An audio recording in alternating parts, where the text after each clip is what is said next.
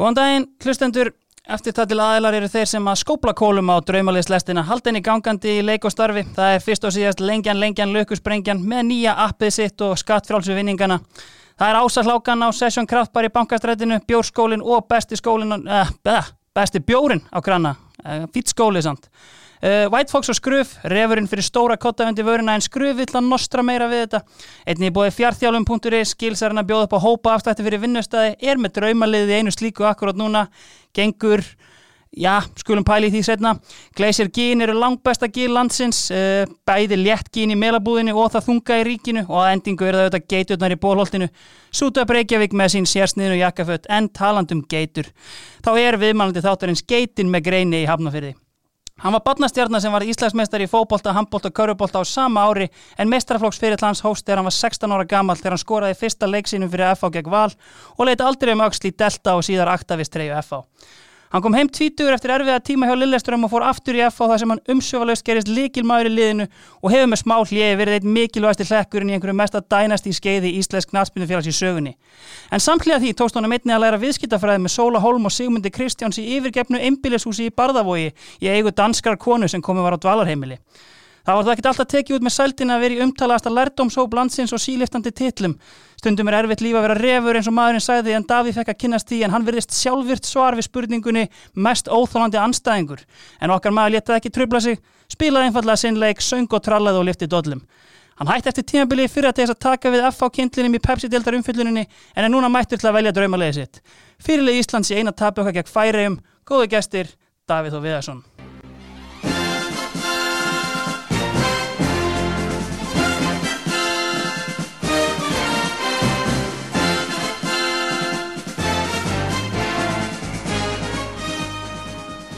Blessaði Davíð.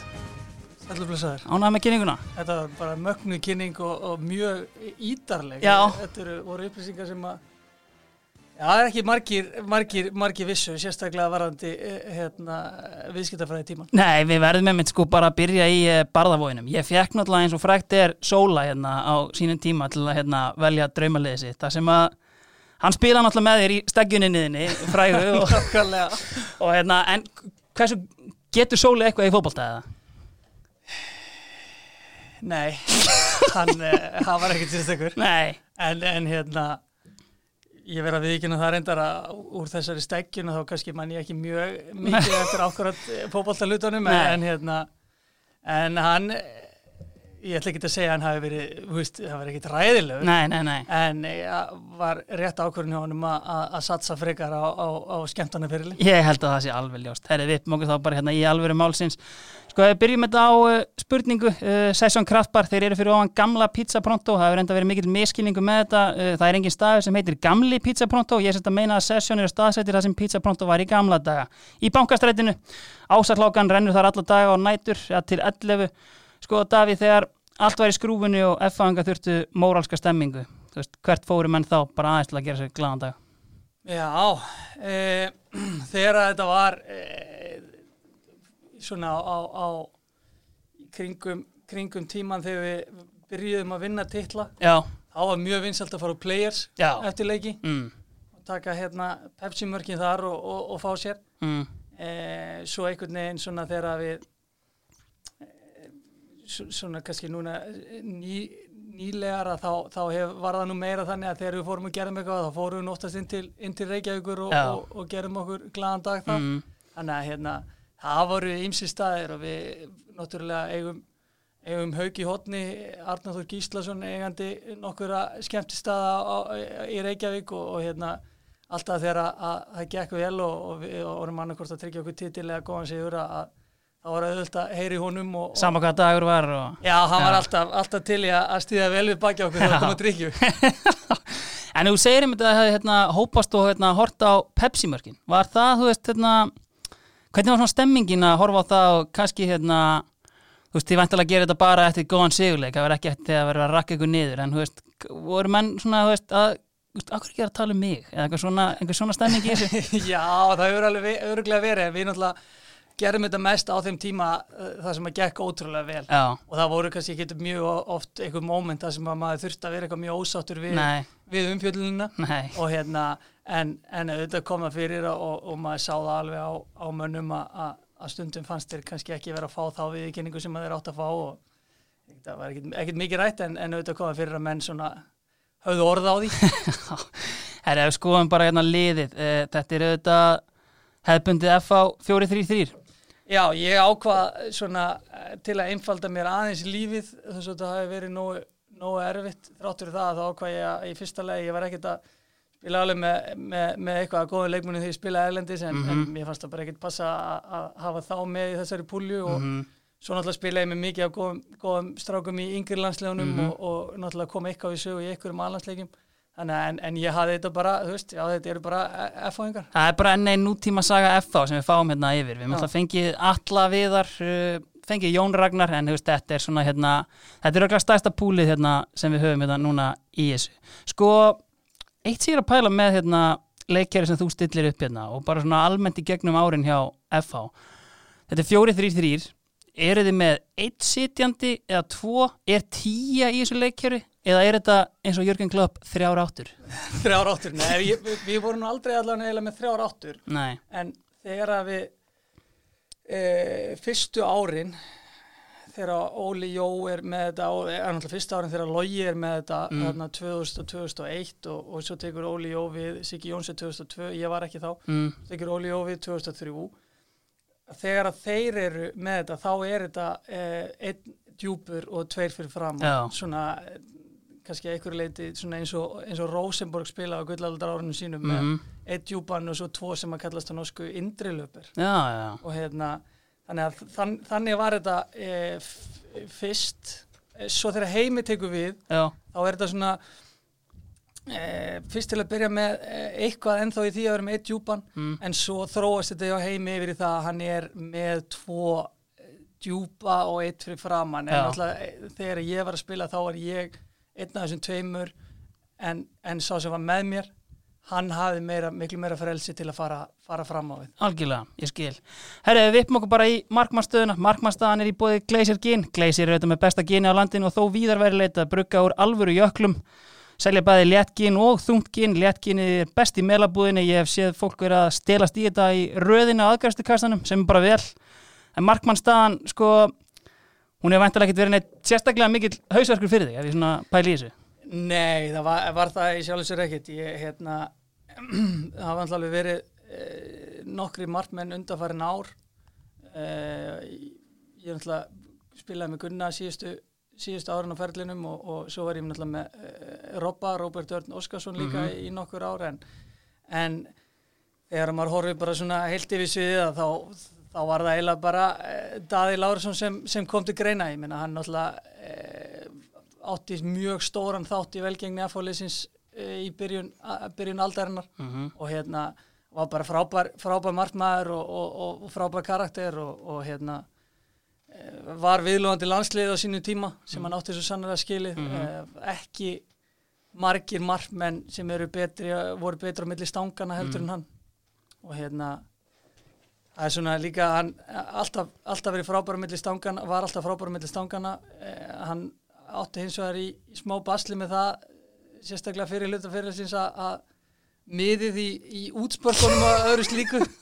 Það var þarna það voru þarna eins og 2001 fyrsta tíðanbíl okkar sem var gjössalega frábær og, og náði þriðja sæti sem nýlegar og Mhm. hann átti mjög stóran þátt í því en, en þegar það voru útspörka þá var það svona 50-50 hvort hann eh, heldist inn á vellinu eða ekki en að, þetta er satt eitthvað sem hann líka bætti mjög mikið Já, einmitt. Þetta er svona einmitt gæði, þú sér það á honum bara, veist, þetta er maður sem vinnur í sér, alvöru skrokkur og hérna, og veist, einmitt, bætir sig einmitt í þessu með árunum. Já, já, ég meina ég hitt hann bara núna um daginn og hérna hann lítur bara, eh, hann er bara jafnfitt og, og, og hann var þegar hann, þegar hann var að spila sko, þannig að hérna, þetta er, veist, bara frábær markmaður og, og ótrúlega stór hluti af þessu sigursæla F-liði og hérna bara, hérna veist, svo sem engin spurninga að hann var að vera yrðið hann í markinu hjá mér. Hann er einmitt svona, hérna, að ég náttúrulega ekki, hérna, séð mörg viðtöl við hann eða annað og hérna, komið smá óvart þegar, hérna, ég sá viðtal við Tryggva Guðmunds, hérna, uh, fyrir kannski tíu árin síðan, sko, og talaði um svona, hérna, þetta var held ég eftir tímabilið að tryggvi fer, þá varst þú farin líka og daði og hann sagði að FH munu sakna þessara tryggið á sérstaklega daða sem að er hrókur alls fagnar og bindur klefa mikið saman. Var það rétt hjá tryggvið það? Já, já, hann er bara er hérna ótrúlega eh, skemmtilegu gaur og, og hérna hann áttaði sig alveg á mikilvægi félagslega hlutarins líka og Mhm. hérna hann, eh, hann, hann, hann var aldrei lími þegar að koma því að halda upp í stemmingu og öðru slíku, fannst gaman að gera sér eh, glaðan dag og, Mhm. og hérna og það, veist, má alls ekki gera lítið úr því, sérstaklega á Íslandi það sem þetta er kannski ekki 100% atvinnum Nei. og hérna og Daði stóð sér vel í því og það var hérna hann var alltaf til í að- fara að gera eitthvað, gera eitthvað skemmtilegt Já, algjörlega. Sko, við byrjum þetta bara hérna á unglingnum, uh, Davíð Þór. Fyrsti leikurinn á 2000 gegn Val. Varstu búin að vera mikið á, í hópnum á þessu sísoni eða? Rúllið hérna yfir? Ég man ekki hvort ég var búin að vera kannski einu sinni í hópnum. Ég Já. bara, þú veist, byrjaði að æfa eins með mestarloknum þarna um sumarið minni Mm. og hérna, svo voru, voru við komnir upp Mm. og hann ákvaða eh, Logi ákvaða að taka mig með í hópin Hannes byrjaði leikinn Já. Hannes Þótt Sigursson, hann er einar eldri en ég Mm og hérna, hann náttúrulega skoraði Já, og svo kom ég inn á og, og hérna eitthvað, eitthvað þrýðningsspil hjá mér og Hötta Makkeldi og, og hérna, Hötti setti mig í gegn og, og ég sett hann á milli fóta Hjörvars Hjörvars Hafliðasonar. svona í marki, marki vals. Þannig að hérna, já, bara ótrúlega skemmtilegt að fá að taka þátt í, í, á, í á þessu tíumbili líka því að það var svo margt í ákvætt í gangi í loksins hjá FH einmitt. Þetta er náttúrulega rosalegur uppgangur hérna því að árin áður liðir náttúrulega bara búið að vera í fyrstu deildinni allavega 2-3 tímabil Já, og fjallu úr efstu deild 95, lendi Já. öðru seti 93-94, fjallu úr efstu deild 95 og, og hérna að voru þá eh, fjögur eða fimm tímabil í, í næst efstu deild já, Toller hérna Pétur Ormslev og, og annars Já, slíkt og þetta var bara, þú veist, sem náttúrulega, eins og frækt er orðið en, en hérna, svona eftir að higgja var það eiginlega bara frábært að, að F-fólið hafi ekkert farið upp eh, þessi ári, voru nálægt í bæði 98 og 99 mm en hefðum ekki haft neitt að gera í efstu deild Þetta er nefnilega sko tímabili sko ári eftir 2001 þannig í eftir deildi, ég lendi í þriðja sæti og nýliðar auðvitað í eftir deildi en sko hann að leikmannahóp í dag þetta er ekki nýliða leikmannahópur svona eftir að higgja Nei, ja, því að Logi var náttúrulega mjög klókur og um, náttúrulega besta sem hann gerði var náttúrulega að fá Heimi Guðjónsson Mhm. í F-fólið hérna, haustið 1999 og það náttúrulega bara breytti klubnum mjög mikið og miklu meira heldur en að, að, veist, ég held að nokkuð maður hafi gert sér grein fyrir þegar hann kom. Mm og svo fær hann náttúrulega líka, veist, hann fær Frey Bjarnason Já, sem að hérna reyndist F-fáingum uh, og okkur F-fáingum náttúrulega bara ótrúlega vel í, í 13-14 ár. Mm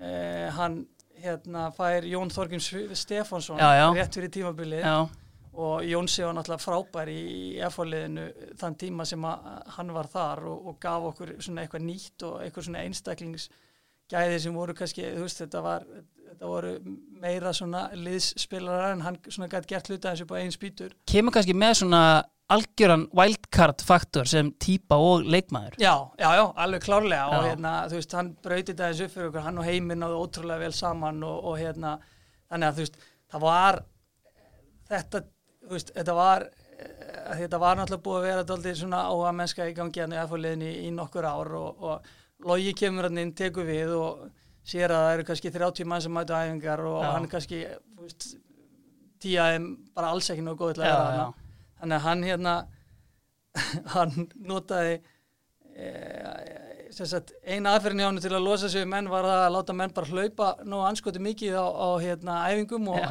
var með það sem hann kallaði 17-13 þessu hleypur yfir öllum 17 sekundur kvílir í 13 Já, sekundur já, já, og hann bara hérna, náði að, hérna, síja eins út með því að því að menn náttúrulega bara gáðist upp Já.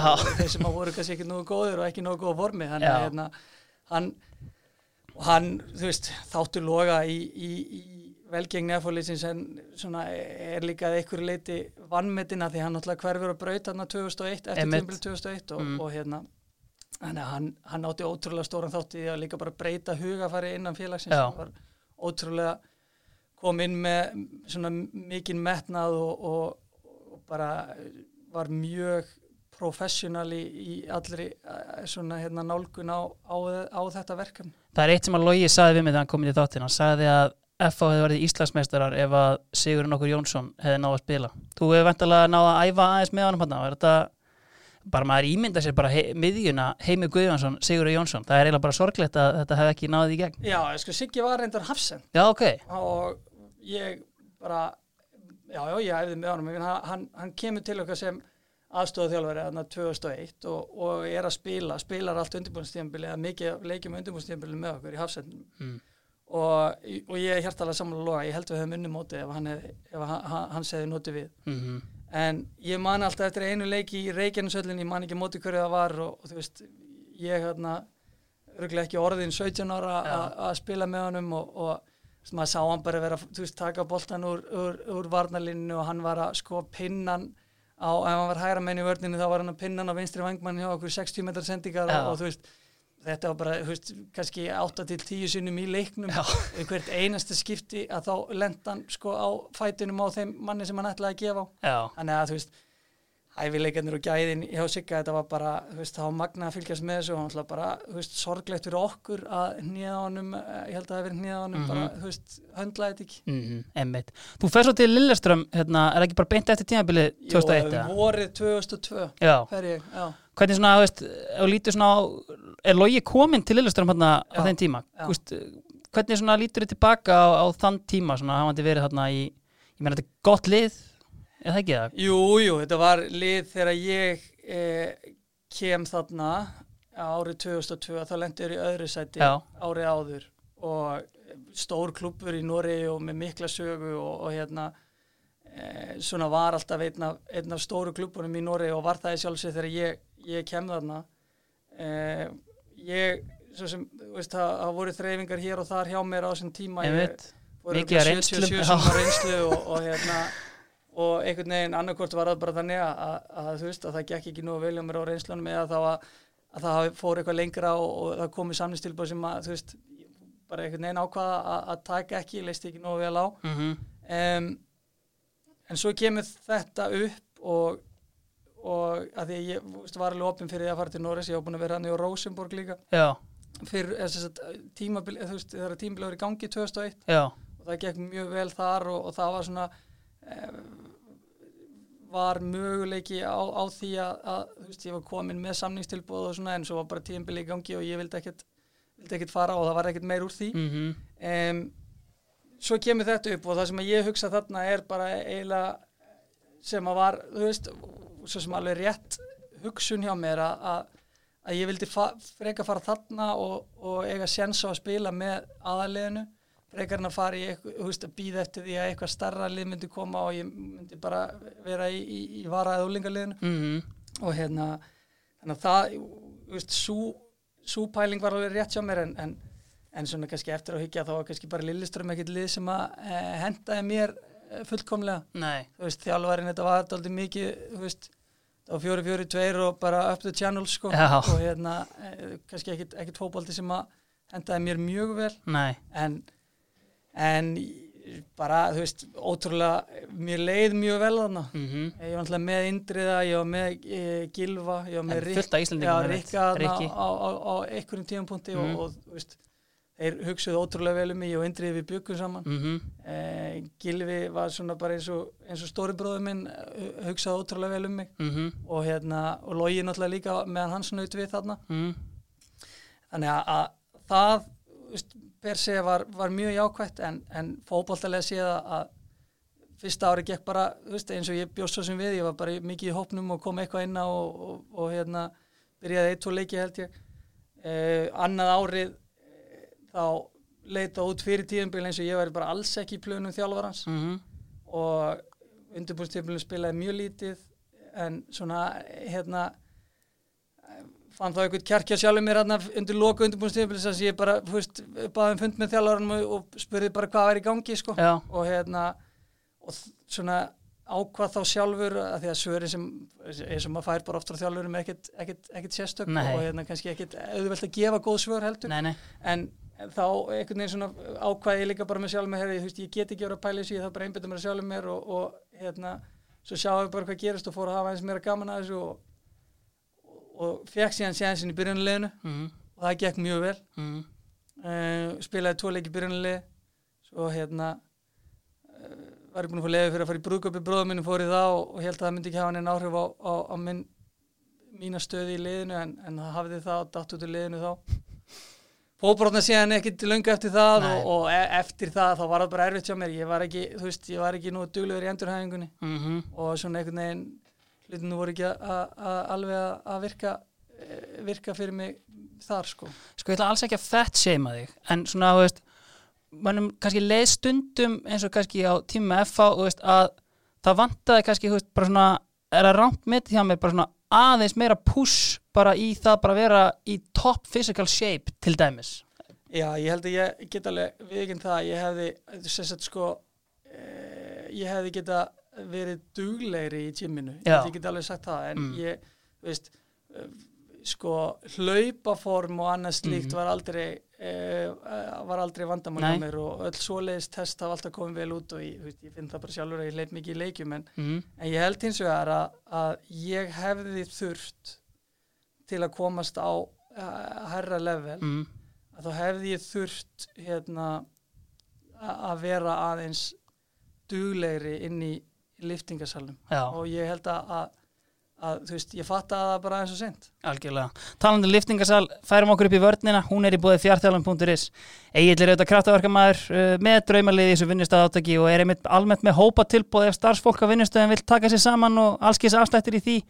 Fagmaður kemur í form. Uh, Davíð, þetta er fjóra manna varnalína áður við förum í hana uh, Egil hjá fjartjálun hefur mikinn áhuga á leikmönnum með hátt testosterómagn, bara hörðum leikmönnum hver er svona svo harðasti sem þú spilaði með á ferðinum?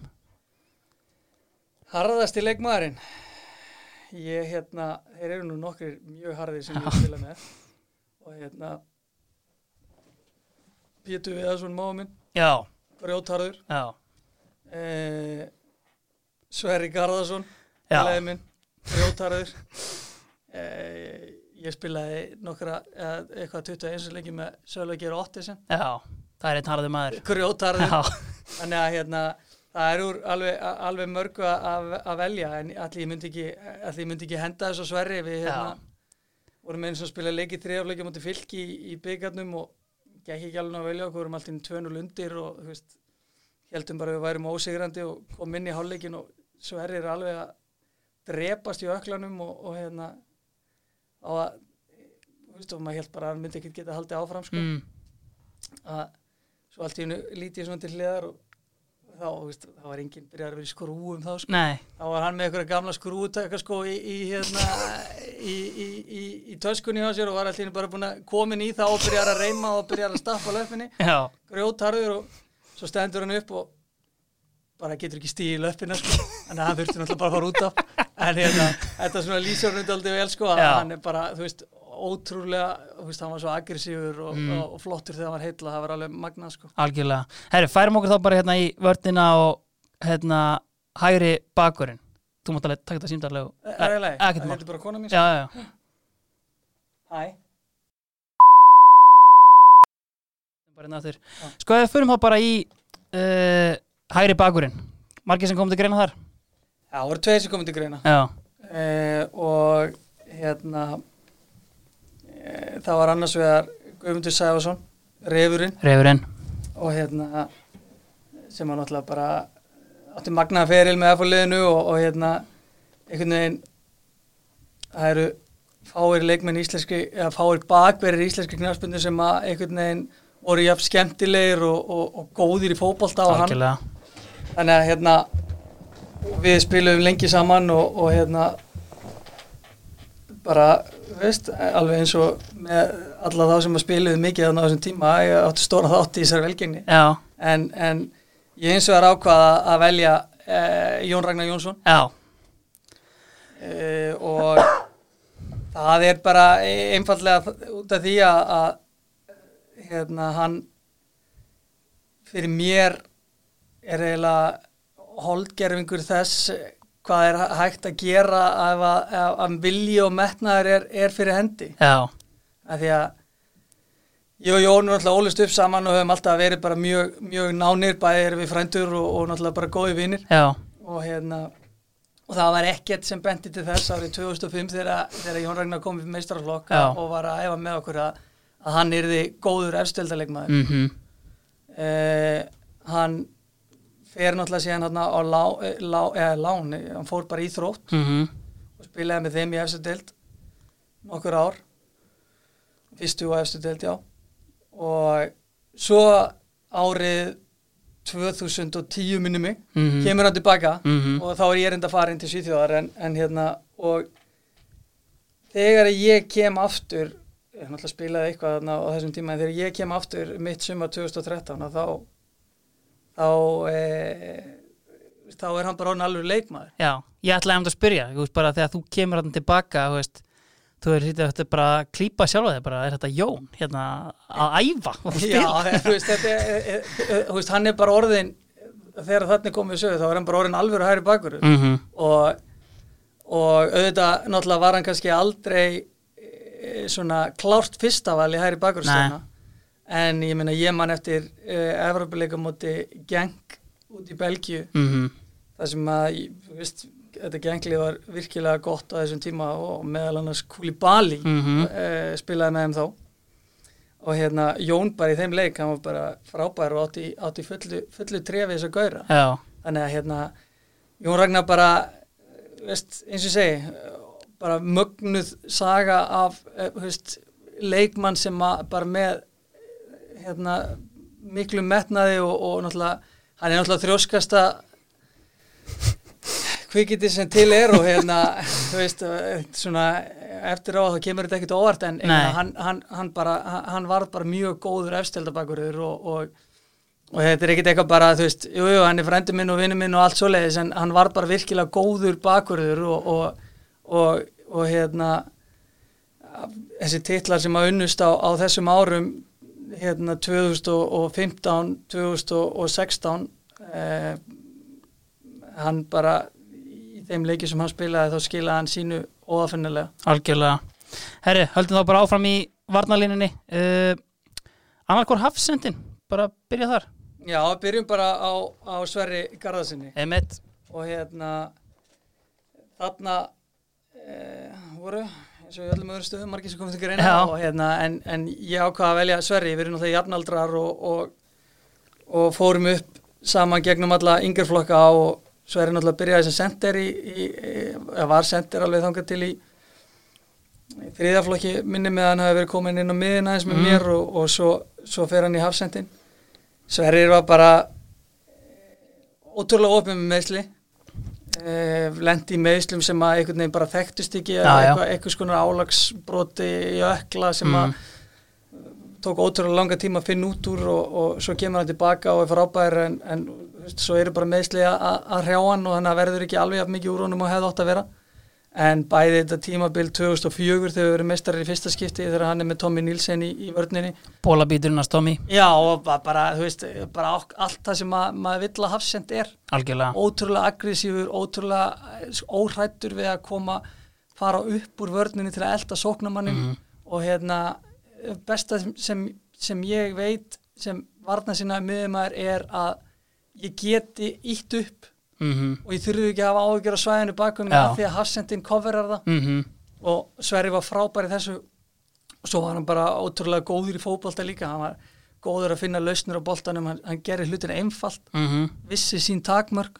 Og, og hérna bara, þú veist, á, á frábært að hann. algjörlega. Hvað heldur einmitt svona veist, þakið á gæja eins og Sverri sem að svona einhvern veginn aldrei næra full nýta sig en veist, bara starting hafsend í landsliðinu þú veist, Já, ég meina, hann og Sölvi voru saman í 20. liðinu og voru bara, þú veist, eins og ég segi, voru bara, hérna, ótrúlega svipaða típur mm og, og svipaðar að, að gæðum mm. og hérna þannig að já ég held að það sé þú veist, svo, þú veist það sé alltaf þreytt að, að tala um hvað hefði getið orðið Já, já. svoleiðis, en, en hann hefði klárlega getið orðið þá, ég meina hann var komin í, í landslisopinu sínum tíma algjörlega.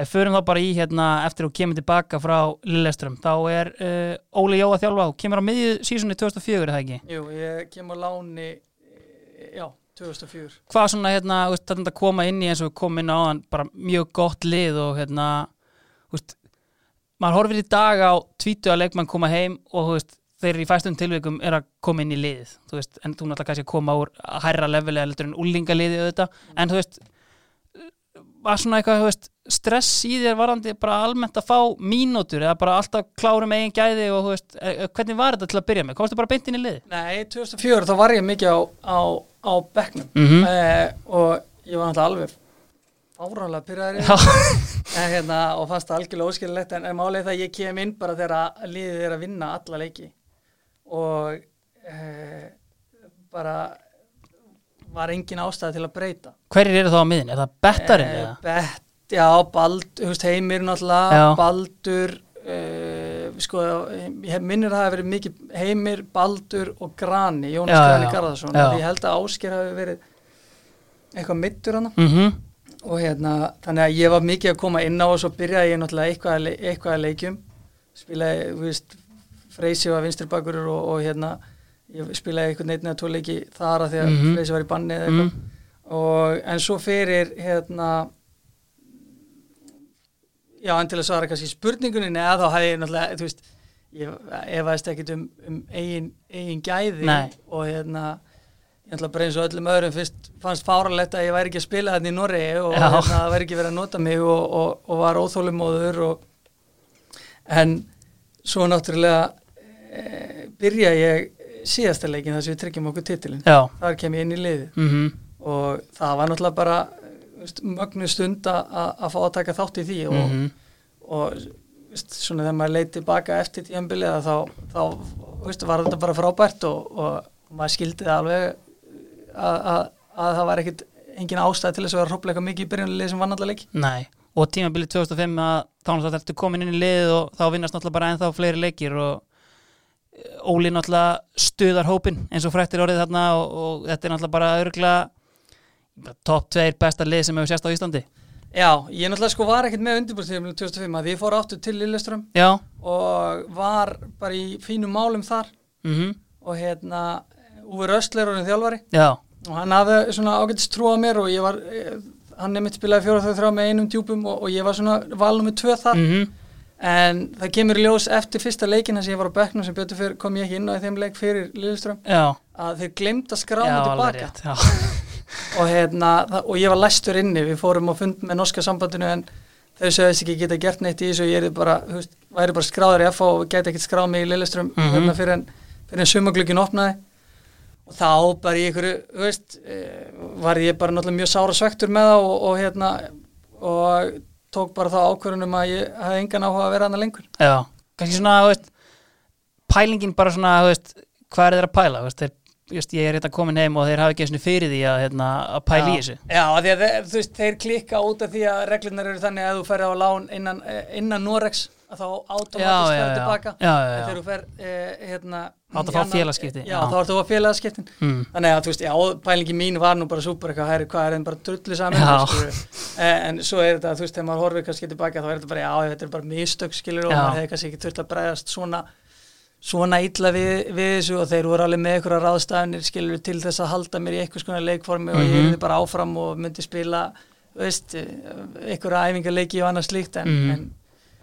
já, ég hérna eins og Jón frændi minn er ágætlega þrjóskur og, og tók það ekki mál Nei, emmitt. Síðan þá 2006 vinst annað titill, það er búin að taka titilinn þrjú orði röð. Ferðarna til Lókeren, er það ekki eftir það tímabili, eða fyrir tímabili 2007? eða Nei, nei, f- eftir tímabili 2005 fer ég á láni til Lókurinn Já, já, já. Og ég meina, fínt lið, kannski engin stærstu nöfnin, en maður getur eitthvað ímyndið sér að kongurinn í Lókeren það hefur verið Rúnar Kristinsson. Já, hann var kongurinn hann og ég náttúrulega, eh, bróðið minn er seldur Já, til Hollands. Mm. og ég var fenginn til að taka við á það honum. spilar ekkert með bróðinum hann í... Nei, hann var hérna. seldur Já, og ég fer aðna og æfi með þeim í viku og, og úr verður að, að vera að gera lámsanningu með einhverju kaupopsjóni. Mm og hérna fer bara beint í liðið spila vel í, í fyrsta leiknum. Mm með rúnarreðaninn á miðunni og það var náttúrulega bara upplifun að fá að spila með honum að það var náttúrulega ógeðslega góður í hófald já, og hérna samt þarna orðin 36 ára já, já. Og síndi ekkert sérstaklega takta árið eftir þegar hann kom í, Káar. Nei, eins og hann talaði líka bara um sjálfur Já, að já. það voru bara eitthvað sem hann, þess vegna hefði bara átt að sleppa hérna, en, en þarna á þessum tíma 36-37 ára ennþá ótrúlega öflugur og svo er næsti leikur og það gengur ekkit sérstaklega vel í þeim leik ég er einhvern veginn vinstra meginn í einhverju fjaramanna miðju Mm svona tíul miðju einhvern veginn mm. 2-0 undir eftir 25 myndur og ég tekin út af eftir 37 myndur þá var svona við kynum það að það var ekki ekkit sérstök tilkynning að setjast á bekkinu og vera tekin út af eftir ráleik já, en ekki það, ég lélugur í leiknum og, og svo sem ekkit, ekkit meira um það að segja. Nei. En svo verður ekkit meira úr þess að ég bara meiðist. Já, já, já, einmitt. Og kem svo bara aftur í FO síðan kannski bara, tímabilið 2007 sem er síðasta ári hjá Óla Jó uh, vinnur þar byggarinn uh, hérna en svona, þú veist, hvernig fannst þér svona, þú veist, hérna, stemmingin veginn, að búa Óla orða við ó, uh, orða Óla við landslið og annað, þú veist, uh, og þið eru þannig séð með titilinn lengst af, ég meina, þetta er valur á topnum síðustu tvær umferðinar eða eitthvað, Já. veist, ég veist ekki leiðilt að rifja þetta ekkert sérstaklega en hérna, ég er alltaf að reyna að fá teikin hérna á og ég meina það er þessi leikur í Kaplakrika sem Valur vinna sem er rauninni bara úslita leikurinn þú veist. Er, þessi, veist, er þetta tímabilið eitthvað sem að situr í þér? Já, það sittur alveg aðeins í mér ennþá af því að Mm. e, ef að við hefðum gert það sem við áttum að gera bæði þá og árið 2014 já, að þá væri við konum með tíu titla. Já, og ég hefði verið komið nýja þeim að því ég var náttúrulega ekki með 2012 nei. Og hérna það því að stjarnar á búningin Já, önnur, já, önnur stjarnar á búningin og hérna ég, þú veist, þannig að veist, reglulega að, að þú veist, ég hugsa um þetta daglega en, Nei, nei. en þetta kemur oft upp í umræðinu og, og það er svona, þú veist, svíður alveg, alveg ennþá en, en náttúrulega í þessum leik á móti val árið 2007 að það sem við erum allt í okkar höndum og erum með náttúrulega frábært lið Já. og bara reynda leikmenn í nánast hverja einustu stöðu og á bekknum Já, og begnum líka já. að við höfum einhvern veginn mætt svona til leiks og var bara eiginlega, þú veist, það var svo, veist, ótrúlega sorglegt og maður alltaf bara eftir hennar leika var bara ótrúlega svektur til sjálfa sig fyrir að hafa ekki staðið sér betur að þú veist, þetta var tímabila sem ég var búin að spila bara nokkuð vel, ég, veist, sérstaklega í ljósa þess að ég meittist náttúrulega miður tímabili 2006 og kom upp úr þessum sleita mér hásinn já, og bara búið að ganga fínt. En, en í þessum leika að, og, og veist, ég var, náttúrulega leikil maður í þessu liði að, mhm, að ég brást í þessum leiki og bara, þú veist, það var bara lélegur. Mhm. Og hérna, þú veist, þannig að maður erfiðar að, að, að sætta sig við það þegar þú kemur í svona stóran leika og, og telur þig vera þannig leikmann að að þú eigir að standa þig á stóra sviðinu mhm, en gerir þið ekki. Já, þannig að ég hérna, veist það var, að, veist, það var mesta svekkelsi algjörlega. Hver er með Sverri í hafsendinum? Pétur Viðarsson er með hann í hafsendunum já, og þetta var ekki, þú veist ég spilaði náttúrulega með Tommy Nielsen já, mörg ár og hann er náttúrulega einn af allra bestu erlendu leikmennu sem hafa spilað hérna. Já. Og uh, hann á svo sannlega skilið að- vera í þessu liði og, og ég meina ég hef verið með fleiri góðum, Freysi var frábær. Mhm, bæðið sem visturbakkur og hafsend spilaði uh, tvö tímabil með Guðmanni. Já, og Guðmann á sínu degi besti hafsendin í sér deiltvist mér enn þann dag í dag. Já. Og hérna en en, en uh, Pétur var fyrir valinu. Um, maður sem þú tekur með þér í stríð. Já það er maður sem þú tekur með þér í stríð og það er bara þú veist hann hefur einhvern veginn mjög oft verið svona unsung hero Mhm. í þessu FH-liði já, og er alltaf getað treyst á hann. Ég meina þú getur, þú getur sett hann í hvaða stöðu sem er og hann, hann skila sínu. Eh, alveg eins og með, með hérna alveg eins og með Pétur. Nei, alveg eins og með Sverri ótrúlega gott að hafa hann fyrir aftan sig. Aggressífur, óhrættu við að koma upp úr vörninni. Eins og með Sverri veit sín takmörk. Mm. eh, það er með pælingin sko, veist, hann fer þetta náttúrulega mikið á eins og, maður hefur rætt og, og hlusta á, á marga talum að þetta er bara, veist en absolute nutter og bara, veist, el, hatar að tapa og bara fer þetta á því. En, eru, er veist, líka?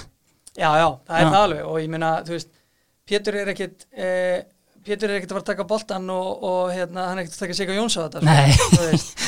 En ég meina veist, það er talent í honum sem sagt að bæði náttúrulega bara hann er mjög góðu varnamaður, já, það er ekki auðvelt að fara fram hjá honum. Mhm, sá það bara síðast í þessum bleikaleika hérna hann, hann hérna var e, ótrúlega e, hvað sem komur að segja þú veist, Brynjólfur var, hann, var hann að hæra meinu. Brynjólfur var á mótunum og, hann. ja, hann, hann var algjörlega með hann og Brynjólfur er einn af betri leikmennum í þessari deild. Mhm, að því að hann er mjög góður varnamaður og það er náttúrulega talent og mhm, hann skila boltanum fínt frá sér eh, hann spilar einfalt og hérna og, en auðvitað náttúrulega skilur eh, það er alveg eins og með Jón Ragnar að, að hérna þegar að viljin er svona mikill og þú hugsa svona vel um þig mm eins og þeir báðir gera að, að, hérna, að þá eru líkanar á því að þú náir árangri miklu, miklu uh, meiri. algjörlega. Og hver loka síðan vörnin í vistri bakvörinum Herru, það er einn af mínum uppáhaldskarakterum. já, Það er hérna Böðvarinn okkur Böðvarsson. Já, einmitt. Og uh, það er Hjörtulói Valgarsson kom náttúrulega sjálfsögur líka til greina þar. Mm uh, en hérna Böddi var fyrir valinu og Böddi bara, þú veist búin að, þú veist var með hann í knafspindskólinu þegar hann var eh, lítill strákur og, og bara búin að fylgjast með því hvernig hann svona og svo dafnaði -hmm. og varð að bara virkilega góðum vinstri bakverði. Og ég er líka þarna með fjóra menn í vörninu ég, ég, ég myndi taka á alla með mér í stríð. Já, og hérna og vera bara nokkuð eh, vongóður um að við myndum vinna það stríð. Og hérna þetta er bara, þú veist, frábær karakter eh, ske, ótrúlega skemmtileg náungi mm og virkilega góður vinstri bakverður og hérna e, svona já, bara góður, góður, góður vinni minn í dag og, og hérna ótrúlega gaman að fylgjast með hvað hva, hva hann hefur náðu langt af því að hann er náttúrulega, það var enginn sem bjóst við því að, þegar hann var kannski 15-16 ára að hann er því bakverður í, í topplið í pólsku úrastildin nei, nákvæmlega. Sko, ég fylgi bötta á samfélagsmiðlum og annað og svona eftir hans hegðun svona kommenta mikið og mikið stríðinni og verið svona vera ultimate spoilt bara litli bróðir, svona einhvern veginn. Mm. en svona, þú veist, komandi ungur svona, þú veist, ég meina, þú ert með hann 84 árgang í FH sem er svona, þú veist kannski svona uh, hryggjar súlan í þessari velgengni sem hefur komið hérna í setni tíð og, og fyrir. Uh, svona, þú veist, en samt mjög góðir yngriflokkar í kjölfar hjá FH, kannski ekki endilega margir sem að hafa þá kannski stíi skrefið, en þú veist mætti Bötti bara inn öskrand á menn og vann sér strax inn virðingu bara þegar hann kíkti á svæðið um, Bötti mætti inn og vann sér held ég bara virðingu með því að gera það sem hann var beðin um að gera. Já. og leggja sér allan fram. Mm Bötti mætti ekkit uh, inn og, og, og kannski var farin að rífa kjáft eins og hann gerir í dag Já. og veist, hann var alveg, veist, og var mikil auðmygt í honum og, og, og hann áttaði sér alveg á sinni stöðu innan liðsins Mm en svo náttúrulega bara hefur hann uh, með því að, að að verða mikilvægari og mikilvægari partur af liðinu Já. uh, bara, þú veist, tekið ásitt á aukna ábyrð og, og, byrjaði að rífa meiri kjáft Já. og hérna hann var ekkert mikið vitið sem kemur út úr honum en, en, en, en hérna hann bara, þú veist e, gerði þetta bara á réttan hátt. Algjörlega. og vinnu þeir alltaf inn ungi leikmenn, þeir vinna sér inn virðingu með því að, að, að einhvern veginn vera bara all in e, gera það sem fyrir þá er lagt. Og fyrir mér er það ekkert mál þó svo ungu leikmæður kemur inn og er að leggja þessu 100% fram sig að ríða hans kjaft sko, ég bara hef gaman að því og, og hérna kom inn og láta menn fyrir, finna fyrir því sko. Hefur orðið eitthvað vitni að því að það sé svona skortur á þessu elementi, svona auðmygtinni í ungum leikmönnum að koma inn? Eða þú veist, er þetta, þú veist, það er svona mín tilfinninga hérna krakkar í dag einhvern veginn, eða svona úlingar sem koma inn séu bara, þú veist, að maður heyrti ímsa sögur bara, þú veist, þetta er bara ég um mig frá mér til mín og ég ætla bara að gera þetta eins og ég vil hafa þetta. Ég held að, að þetta sé eh, kannski aðeins flóknara. Mm. eh,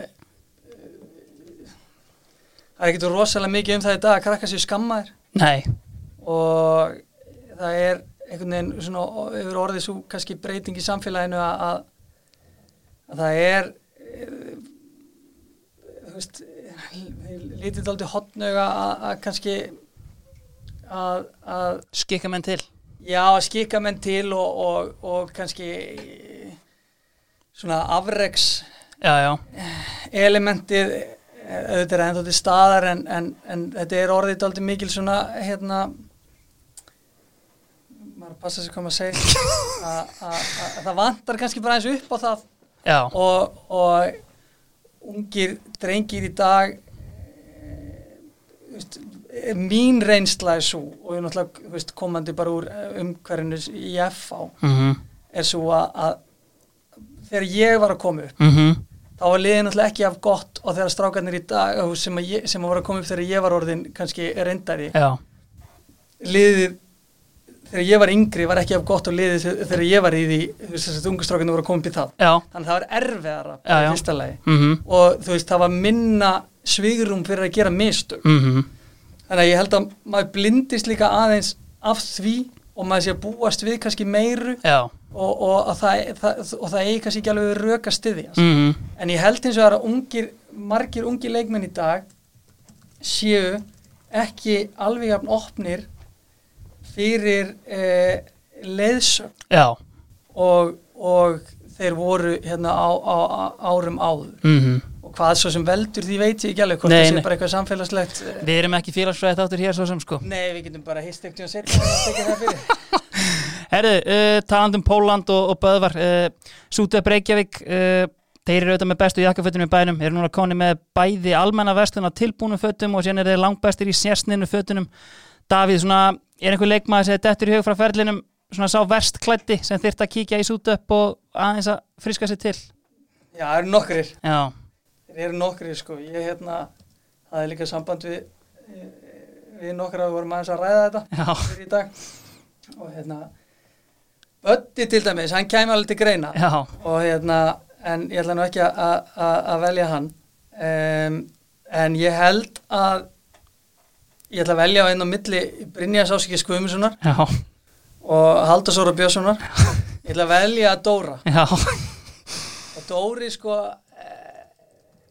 finnst það best á Dóra sko að að þegar maður, við vorum að gera grína á hann stundum sko fyrir einhverjar mjög vel þvegnar gallabuxur. Þá skildi hann ekkit hvað vorum að tala um sko því hann fannst hann, og sem er alltaf bara geggja sko, og hérna og, og, og Dóri kom oft inn í klefa og, og maður svona snýri nokkrum, nokkrum hausum með, með, með klænaði en, en veist bara ef þið líður vel með það sem þú, þú ert í þá er ég, ég sáttur sko og ég, maður getur leiða aðeins. Já, algjörlega. Haldur Óri Björnsson í bóði Sútep Herru, miðjan, færum okkur upp á hana. Hún er í bóði White Fox og Skruf uh, Þú vilur White Fox þú vilt stútfylla vörina vinalegum kotta og fá bössið en skrufið er finstiltara, allt stitt eftir punktum og endalasta bræðtegundunum. Er síðan ofan og allt annað bara nánast frítt allir hætti með tópakið í góðum gýr menn fara bara enn einn að sækja besta skruf í öllum heim í dag Davíð, uh, þryggja manna miðja bóði White Fox og Skruf ef við bara byrja á uh, djúpum miðjumanni. Já, það var nú ekkit rosalega flókið. Eh, Það er Heimi Guðjónsson. Um, Hann náttúrulega var uh, bara kongurinn á miðinni þegar ég mæti og kendi mér bara ótrúlega margt. Spilaði hann á 2001 tímbili fyrir framann, framann hann. Mm -hmm. og var náttúrulega bara ópáránlega góður í fótbolta. Já, ótrúlega mikill leiðtói og eins og við komum kom inn á hérna fyrir að að hann breytti bara ótrúlega miklu í félaginu mm og, og hann var svona hvað segir maður, hotsteinnin í, í því í þessari velgengni. Það er alltaf að segja það. Sko við ræðum aðeins bara heimi eins og við erum að tala um þegar hann kemur inn sem leikmaður, við þekkjum auðvitað þessa ruthless ásýnd sem hann hefur sem þjálfari, veist, ég voru vitnaði þegar hann til dæmis tilkynnti inn um efnilega markmanni Áskeri Kára Ásker sín í gegnum síman blákalt að nervur hans væri ekki óskað, en þú veist, hvernig var þetta var hann svona meiri father figure eða svona sem leikmaður eða þú veist, að því að þú veist, síðan verður hann alltaf bara þessi grjótarði þjálfari sem tekur erfiðar ákvarðanir? Já, já sko heiminn alltaf kemur í þarna eftir tíðanbili 99 og þá er náttúrulega eiginlega bara flesti búin að afskrifa það var ekki hátt verð á hlutabrifunum þá Nei. í heimi Guðjónssoni Nei, og það er nefnilega, þú veist fyrir hann frá skaganum, tekin út úr liðinu fyrir byggjarsleikið mm -hmm. skipti og, og svona einhvern veginn e, þannig að, að hvernig hann kemur inn í þetta e, FH-lið er náttúrulega bara magnað og flottu 2000 og svo bara, þú veist, stígur hann upp eitt gýr í hérna, árið 2001 þegar hann konur upp í Æstadel mm -hmm. e, fyrir mig að, sagt, hann var alveg gæti alveg verið grimmur og hann let menn alveg heyra það. Já, en það var alltaf meining á bakveða já, og hann reyndist mér bara ótrúlega vel, það var ótrúlega gott að spila með honum. Og maður gæti einhvern veginn, þú veist maður þurfti eiginlega ekkert að koma til hans og byggja um ráðskilur, þau komu bara. Og, og einhvern veginn styrði manni bara dálítið. Mm og þú veist og var bara að einhvern veginn með allt á hreinu, hann kunni náttúrulega leikinn upp á tíu. Já, og það var ótrúlega auðvelt að verða við óskum hans inn á, inn á vellinu. Já. Hvað band er í honum í klefanum? Já, heimir er náttúrulega, þú veist, að- eins og það var kannski flestir hafa kannski séð við tölum eitthvað svona en ekkit, ekkit rosalega mikið fyrir að, að tala alltaf. Nei, og hérna en það var alveg húmor í honum og hann let menn heyra það Já, já. Og, og hérna hann myndi til dæmis örgulega hafa mikla skoðanir á því hverju varu vel klættur og hverjir, ekki. Já, ég verð að fara að fá hann inga það þýðir ekkert annað. Sko, aðri djúpir spila náttúrulega hérna spilaðir ekki með hérna Bjarka Gunnlaugs, þetta hérna fræga 2012 tímabil. Nei, ég spilaði með honum uh, 2006 og 2007 mm Hvernig til dæmis bara hérna að því maður oft velt fyrir sér svona, veist, eh, kannski svona hérna að koma inn í F-fáliði kannski aðeins öðris á þessum tíma sem þetta er mikið að kanunum að koma eins og tryggvi og auðun og annað. Hvernig komu, veist, Arnar og Bjarki inn í F-fáliði á þessum tíma? Ég bara mjög vel eh, voru ótrúlega bara hömbúl og, og hérna komu mjög flott inn í þetta mm. -hmm. Bjarki náttúrulega var náttúrulega mikið meittur á þessum tíma og kannski náði ekki að spila jafn mikið og hann, og hann hérna hefði viljað og við Mhm. hefði viljað en það var ekkert veist, þetta eru náttúrulega menn sem að eiga frábæra ferla -hmm.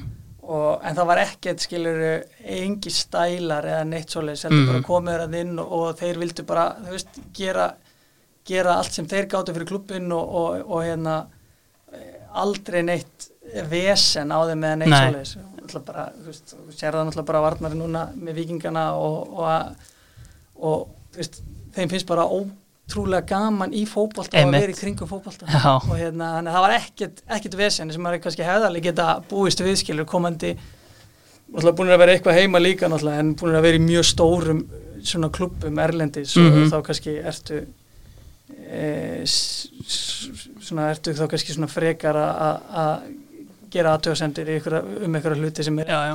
ekki, ekki lagi. standards, já, já. en ótrúlega og ótrúlega gaman að fá að spila með þeim. Al algjörlega. Sko, ég er með smá teik, við erum í djúpa miðjumannum þinni stöðu mörguleiti. Sko fyrsta, við erum búin að snerta á svona aðeins kannski svona atvinnumarferðlirum og ég vil eiginlega svona byrja á að hérna beða afsökunar, ég hef talað um því hérna nokkur sem í þættinum eins og þú eigir engan atvinnumannafyrirl en þú átt alveg atvinnumannafyrirl og þú er bara svona alveg á, á hreinu sko.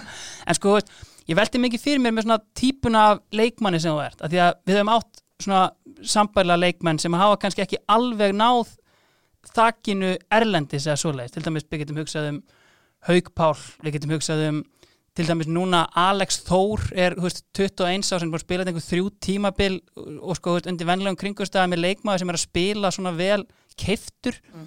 en svona þessi nýjasti frasin gæðastjóra típa af leikmanni. Sko leikmaður sem svona ítir bara samherjum upp á næsta level leiðtogi, er þetta svona þú veist, kannski staða þar sem að er erfiðara að koma inn í atvinnumanna umhverfið og sína sig er þetta eitthvað sem þú hefur pælt í einhver tíman? Já, ég var alveg pælt í þessu en ég held eins og til dæmis í mínu tilviki Mhm. að þá held ég bara að bæði eh, hefði ég sagt, þurft að taka bara aðeins betri ákvarðanir Já, sjálfur eh, ég hefði þurft að vera þú veist, hefði mátt sleppa því að meiðast eins og að nóti í Noregi þegar ég geri það. Á, Já. á svona tíma sem að ég var að vinna mér inn sæti liðinu og, svona, veist, og það var smá svona hæp í kringum mig. Mm og svo hefði ég eins og við komum aðeins inn og ég hefði bara þurft að vera sem sagt duglegri inn í liftingasala ég, ég elskaði að æfa og ég var með á öllum æfingum og, og tók alltaf vel á því en ég hefði bara þurft að hugsa aðeins meira út í, út í þann part af, af, af, mínum -hmm. já bara af, af, af, af, af fótboltanum Mm þannig að ég held að, þú veist, ekkit endilega ég held að ef ég haldið aðeins betur spilunum -hmm. þá held ég að ég hefði alveg getað náð, náð lengra og kannski spila með, með starri liðum Algjörlega en e, þú veist ef tekur eins og til dæmis Alex e, hann er hann er náttúrulega bara 21 ás Já, já. Og, og ég held að kannski með hans framistöðu sérstaklega með 21 landsliðinu núna í síðustu leikjum mm. -hmm. leikjum sem hann hefur spilað með 21 liðinu þá, þá kæmi það mér mjög óvart ef það væri ekki einhver lið á Skandinavíu til dæmis sem myndu, myndu reyna að fá hann mm -hmm. þannig að, að en auðvitað er þetta náttúrulega líka staða e, Þetta er mikilvægast staðan á vellinum að mörgu leiti Já, já, hún er það Mhm. og, og ég held að hérna veist, ég, nein, ger mér ekki alveg grein fyrir því hvort það sé eitthvað erfiðar að komast út í þessari stöðu að því að það eru kannski fleiri svona típur til. Mm uh, ég veit það ekki alveg. En, en svo held ég líka bara eins og veist, fyrir mitt leiti að þá varandi ákvarðanatökur eitthvað svoleiðis ég, ég held ég hefði bara þurft að kannski velja mér aðeins uh, lið sem að eins og því fyrir Norex að ég þurft að velja mér lið spila meiri fótbolta. Já, algjörlega. Annað teik hérna á sambælun nótum. Sko, FH er náttúrulega á þessum árin sem þú ert eh, bestalega á Íslandi, það er Gunning for Europe og, og allt svoleiðis. Upplifur kannski að það væri bara það gott að vera hérna heima, þú veist ákveðið svona comfort zone og bara svona alltaf netið til að grípa mann að koma hérna í FH bestalegi landsins. Heldur að það hafi hérna einhver tíman hérna kannski svona in the back of your mind svona ekki svona, verið ástæðan fyrir og kannski pússa er ekki aðeins meira? Já, ég veit það ekki ég, Nei, þú veist ég, ég fer náttúrulega út eftir tíðanbili 2009 Mhm. kom til Svíþjóðar og e, þá var þá var tilfinningi svo bara herri, þú veist, búin að vinna allt mm -hmm. e, langaði að reyna fyrir mér aftur Erlendis Mm um, Nei, það, ég, ég held að það hef ekkit þú veist, það getur vel verið að það hef verið þannig aftarlega sko Mhm. og hérna þú veist, ég er náttúrulega bara líka er það mikill effaðingur að ég náttúrulega fylgist með þegar ég bjóð Erlendis, ég fylgist með öllu leikjum og Já. ég hef náttúrulega að horfa á þá en, en það var bara, þú veist, FO radio eða whatever sko. og hérna þannig að, að auðvitað vissum maður alltaf af þeim möguleika maður geti alltaf farið heim aftur en, en, en nei, ég, það var ekki það var ekki hérna allavega ekkert meðvitað hjá mér ég er bara einhvern veginn já, veist vildi að, að ég geti kannski verið með betra svar við af hverju en, en það er svona, maður einhvern veginn já, hefði með eh, kannski því ef að maður hefði tekið aðeins betra ákvarðanir og, og, og verið aðeins duglegri í nokkrum þáttum leiksins að þá hefði maður kannski geta komist aðeins harra. síðast að tekið mitt Mm.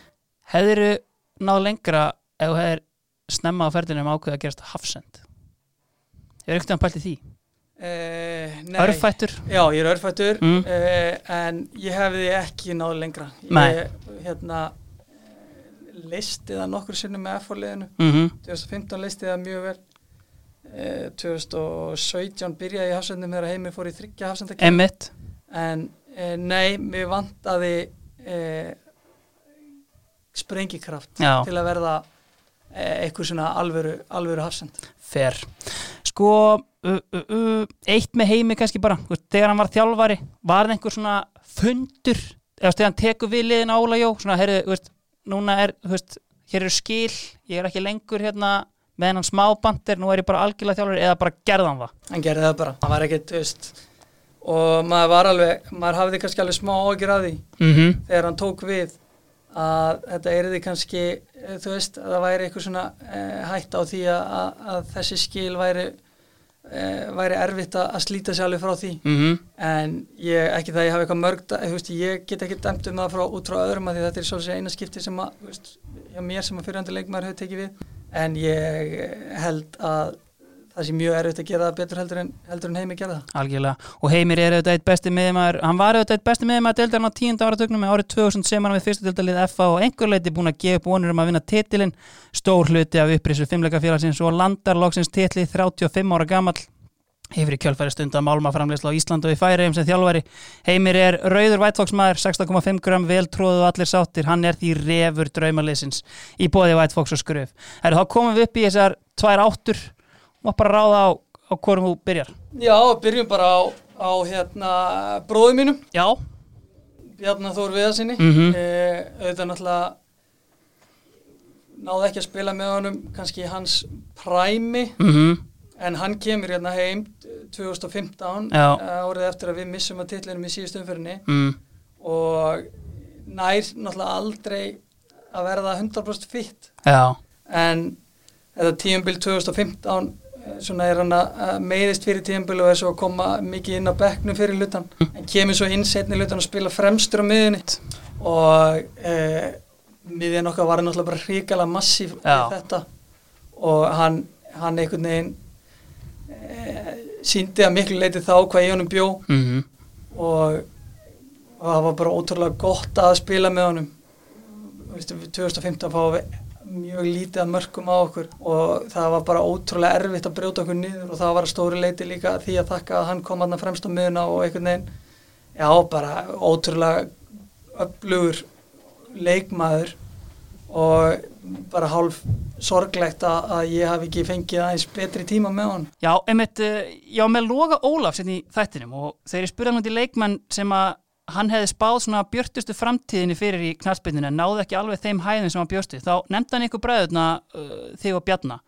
Og hafði það orðið að sá bróðir sem náði lengst það hefði verið lélegastur í fókbalta uh, Er það viðkend venja og hugsun í fjölskyldinni?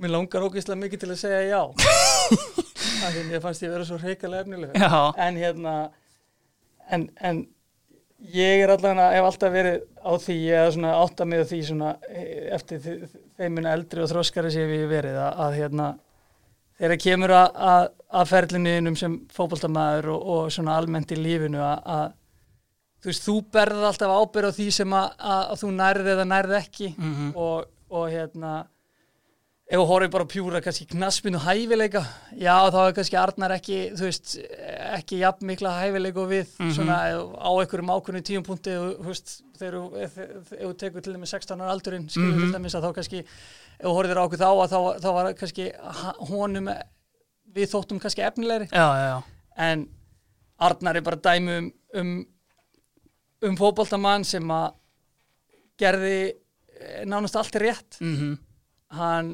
eh, hafði bara ótrúlegt dræf -hmm. ótrúlegt hungur eh, hann fyrir til Belgíu þegar hann er eh, 19 ára og einhvern veginn byrjar í varaliðinu og er svo heppin eh, varandi það að það er skipt um þjálfara og þjálfari sem kemur er bara mjög hrifin á hann Já. og byrjar að nota hann Mm. Veist, hann tekur algjörðan séns sem hann fer að núta á einhverjum ömulum samningi og, og einhvern veginn bara hérna, en, en tók nýtti tækifærið Já. og einhvern veginn var ótrúlega samviskusamur í því sem hann, sem hann gerði og, og veist, ég held að ég horfði bara ferilinn hans ég menn hann á, ég veit ekki hvað marga leiki í belgísku efstildin, hann spilaði hollensku efstildin hann á fullt af landsleikjum. Mm eh, þannig að þú veist, hann er bara langt bestur á okkur og langt bestur á okkur. Þetta er kannski svolítið bara eins og menn segja um stegatöfluna í enda ársins tablan lígur ekki. Já, það er nefnilega þannig að, að, þú veist, tablan, tablan lígur ekki og ég meina, þú veist, Bjarni hafði náttúrulega fárlega hæfileika og, og auðvitað var hann mjög óöppi með meðsli og hefði náð mun lengra og, og eins og við kannski aðeins kom inn að hérna líka mér, þú veist, jú, jú, betri ákvarðan og tökur, þú veist, hefnar með, kannski aðeins hefnar með meðsli og bara einhvern veginn hefði maður lagt kannski örlítið meira á sig Mhm. að þá hefði maður, hefði maður hérna, e, jafnvel geta ná lengra en, en inn í enda að þá er þetta alltaf á, á þinni ábyrð og þú eru bara að lifa með því og, og Arnar er bestur en, en ég og Bjarni getum nú alveg svona verið gengið þokkalega sátti frá borði. Alveg sammála því. Kemur þetta inn á vombrið árið 2014 Ég er bara ekki með fleiri teik á uh, þetta ár heldur en hefur verið farið yfir. Þannig að förum bara í einmitt þessi 2015 og 16 tímabil. Það er hérna, það er talað um þessa ferð ykkar til Azerbaijan uh, sem einhvern svona turning point. Sko það er hérna var ekki leikur við Káar sem spila áður en þið farið til Azerbaijan? Jú.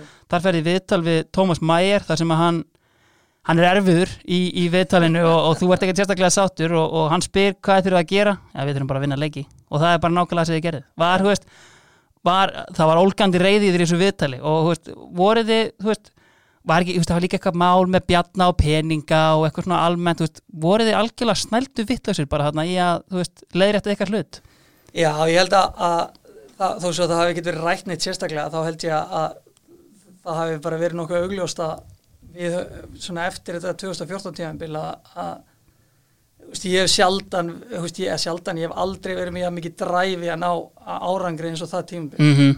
og félagi náttúrulega síndi það líka við náðum í fullt af leikmunum og, og einhvern veginn það var ekkert annars sem kom til greina Mm en svo að ná tímabili þetta tímabili við töpum að það mútið káar held í 4-2 eh, eftir að hafa verið 2-0 yfir eða eitthvað Mhm. og einhvern veginn missum það úr höndunum okkur og einhvern veginn Garri kemur inn á í hálfleik og klára leikin já, og hérna erum bara pyrraðir í þeim leik að, að þá förum við til Asebatsjan og við ákveðum bara strákarnir að setjast niður og, og hérna og ræða eins málin. Mm og það sem að mönnu var bara gefið, þú veist bara þeir sem vildu tjá sig, fengi að tjá sig. Opið golf. Já, bara, Mhm. og hérna Kempinski hótelinu í, í, í Bakú og hérna við eh, fórum bara yfir stöðuna þar og, og komumst í sjálf sér að því að einhvern veginn maður svo sem alveg búin að átta sig á því að FH var ekki lítill sætu krútlegu klubbu lengur heldur var FH liðið sem allir vildu vinna og allir elskuðu að hata. Mm og við einhvern veginn þurftum bara að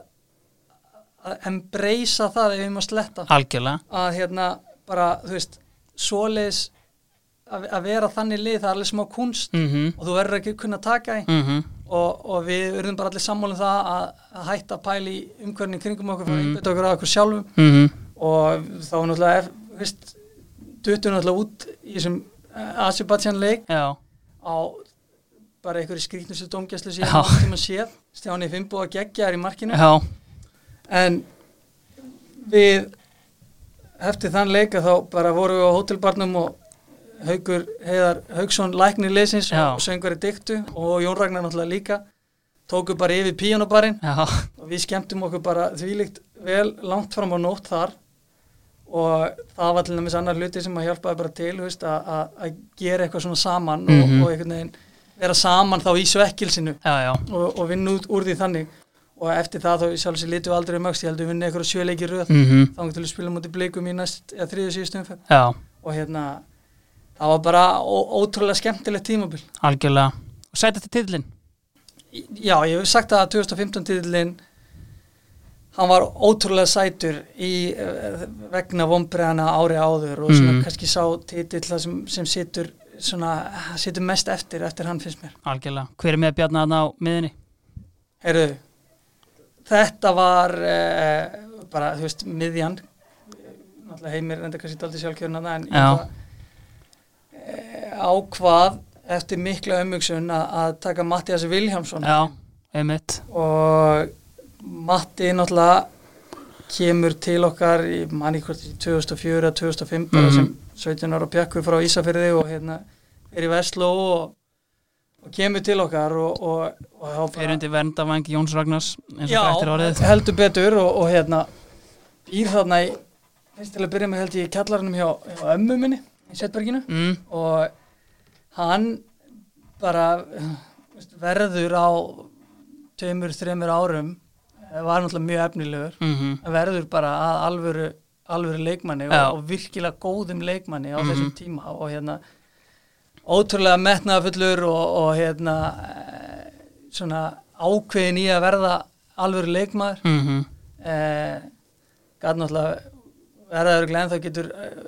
verið alveg grillaður á, á, á æfingum. Hann svona, þú veist bara alvöru gefinn og, og, og vill ná árangri og, og er ekki til í að hérna, sætta við neitt múður. Nei, og er bara, veist fyrir mér líka bara, veist ga- gaman að sjá svona strák kemur bara frá Ísafirði skilur Mhm. mm enga tengingu við FH mm og er bara orðin alveg FH-ingur í dag. Einmitt. Og, og veist, tók við að mér sem fyrirliðan á 2010 mm verður byggamestari, færi að lifta þeim titli. -hmm. og hérna bara ótrúlega flottu karakter og, og, frábær, frábær fótballtamaður sem getur leist eins og hann hefur sínt í Noregi getur leist hverja einu stöðu á vellinu sem bara uh, getur leist allt Algjörlega. Ég var ræðnaði Bjarnar Guðjóns í síðustu viku og, hérna, hann nefndi Matta einmitt, sem bara einn erfiðasta anstæðing sem hann hérna, hefði fengið í deildinni og hérna, sko hann var eiginlega bara svona eftir þetta verðt sjokkeraði þegar við vorum eitthvað að ræðan og hérna,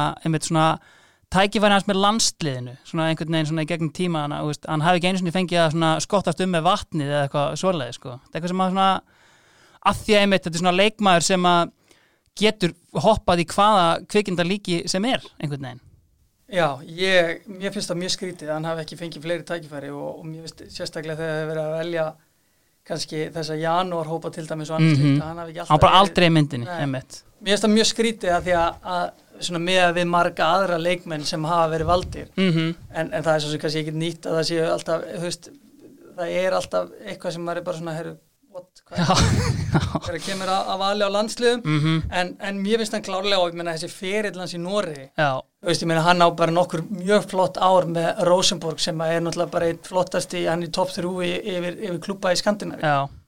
Og hann var náttúrulega bara mjög mikils metinn þar. Mm og svo kemur, eh, kemur hann til Vólerenga Já, já. og, og er búin að standa sig mjög vel þar og Vólerenga er topp fjögur klúpur í, í, í Noregi -hmm. þannig að þessi ferillans, hann er bara algjörlega frábær og það er eiginlega synd að hann hafi ekki fengið að sína meira af því með landsliðin. Algjörlega, einmitt. Sko ég fyrir mútið aðeins hérna, svona rík við aðra leikminni deildinni. Ég kom inn á áðan, þú ert annálaður mest óþólandi maður deildarinnar. Ertu auðvitað maður sem braut herðablaði Birki Kristinsson og bast enda á fyrirlin hans og annað.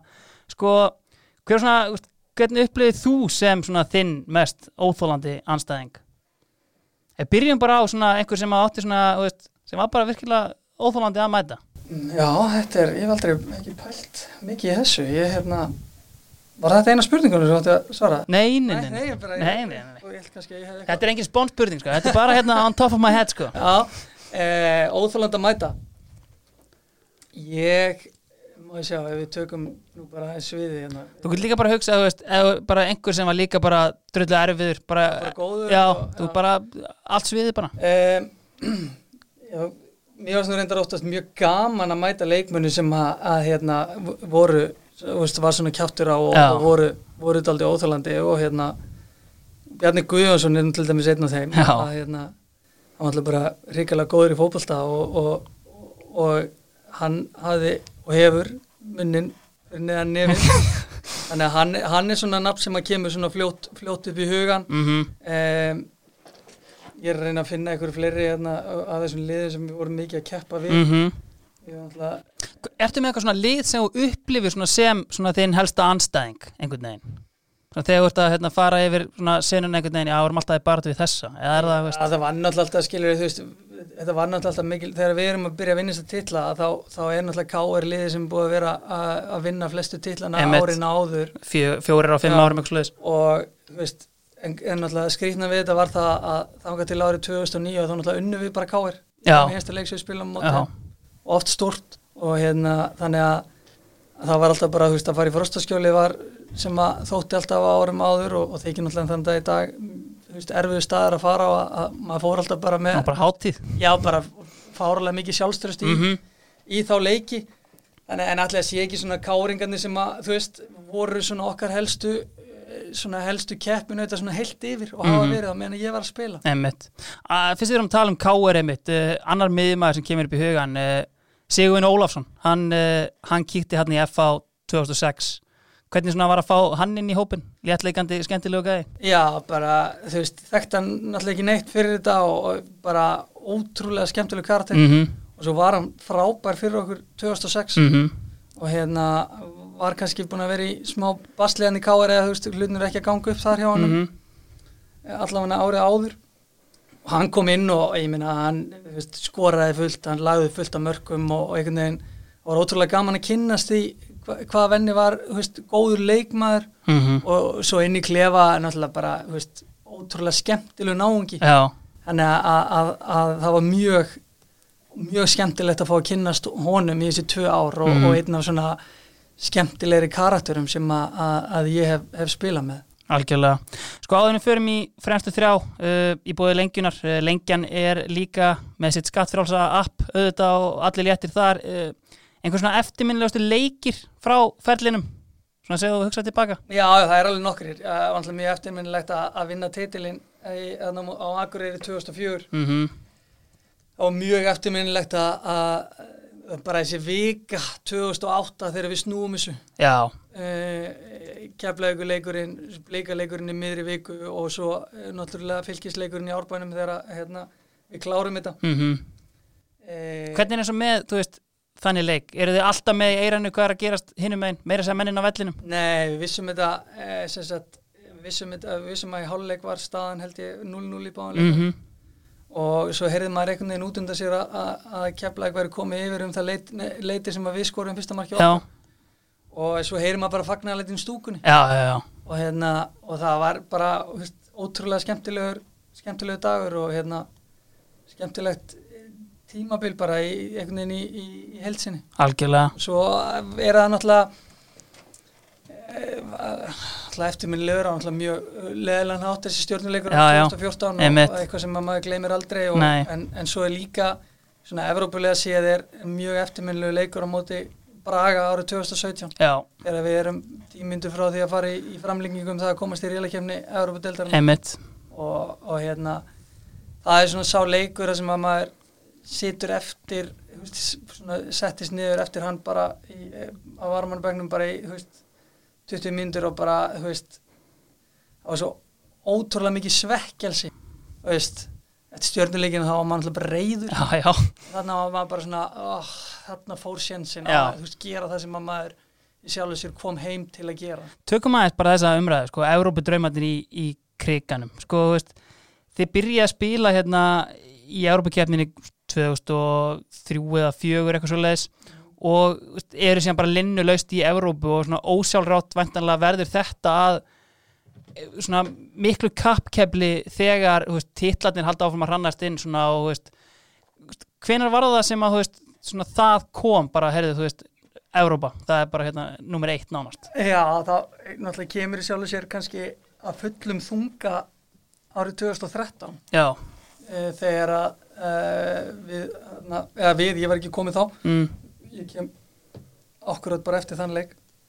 Að þá eh, vinnast þessi leikir á móti ekranas já, heiti, og leikurinn við Ástríða Vín þar sem að það töfum 1-0 á, á útivelli og svo heimaðalli fyrir leikurinn 0-0 við manni fleiri. Mm og hérna og voru nálætt í að koma þeim leik í framleikingu Já, og þá held ég að menna aðeins átt að sjá því að, að, að það væri alveg möguleiki á að gera Mhm. eitthvað og ástæðan fyrir því að líka maður lifiði í voninni með þetta svona lengi var líka svo að það var nánast engin leikur frá þessum tíma þangað til að allavega, já, þangað til að ég hætti. Það var eiginlega bara þessi síðasta leikur núna í ár sem Mhm. að maður, maður, maður fann fyrir svona vonleysi kannski bara því að veist, við vorum bara ekki nógu góðir. Já, já. En á þeim tíma sem ég var setni, setni tímabili mitt í FH mm að þá eh, hver einasti Európa-leikur sem spilum, hver einasti einvíð sem fórum í, við vorum inn í. Algjörlega. Og veist, við vorum eh, hérna, það er þess vegna sem manni fannst alltaf vanta svo lítið til að taka þetta auka skref.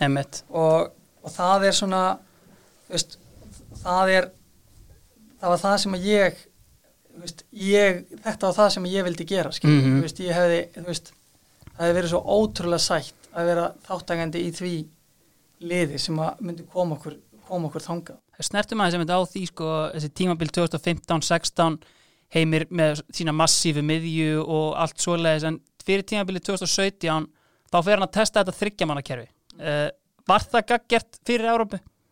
Nei, ég held að, veist, Heimir er alltaf mikill pælari og, og einhvern veginn, honum fannst við vera einhvern veginn að, að festast aðeins, e, sagt, að liðin væri farin að lesa okkur Já, og 2016 tíðanbilið náttúrulega vinnum við á, á eiginlega góðan varnarleik, já, já.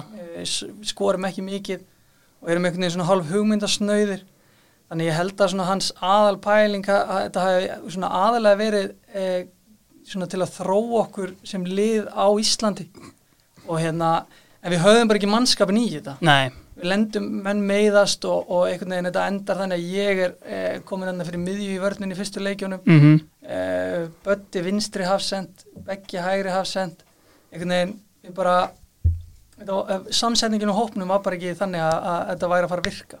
Þetta er einmitt þetta tímabil 2017 sem er síðasta tímabil hans heimis. Hann talar um þetta fræga þjálfræðilega afreg og, og allt svoleiðis en, en þetta eru leikirnir sem að á móti Braga. Og ég meina er ekki rétt hjá mér sko einvið á móti Braga er Maribor Já, við, við vinnum færist lið Vikingur Göta Víkingur Götu já. í, í fyrstu umferðinni Já. og spilum svo við Maribor, þannig erum við mestradildin. já, Spilum við Maribor og töpum 1-0 og 1-0. en það er mitt sko Maribor hefur komið hérna núna og, og flengt val sko hérna undanfæri en þú veist, það er mitt tappið sko 1-0 með bæði mörkin bara mjög seint í leiknum og, veist, og það, sko ef þið vinnið það þá er þið náttúrulega bara komnir þá erum við búinir að garantera okkur í Riðlana, riðlana, nákvæmlega. já, og förum um spilum sæti í mestradel mm en ég held að sko veist, já, þeir leikir uh, við hefum ekki átt neitt skil úr þeim að þeir voru miklu betri en við. Já, en það sem við gerðum vel var það og það sem Heimi gerði ótrúlega vel, hann lagði leikina alveg svakalega vel upp. Mm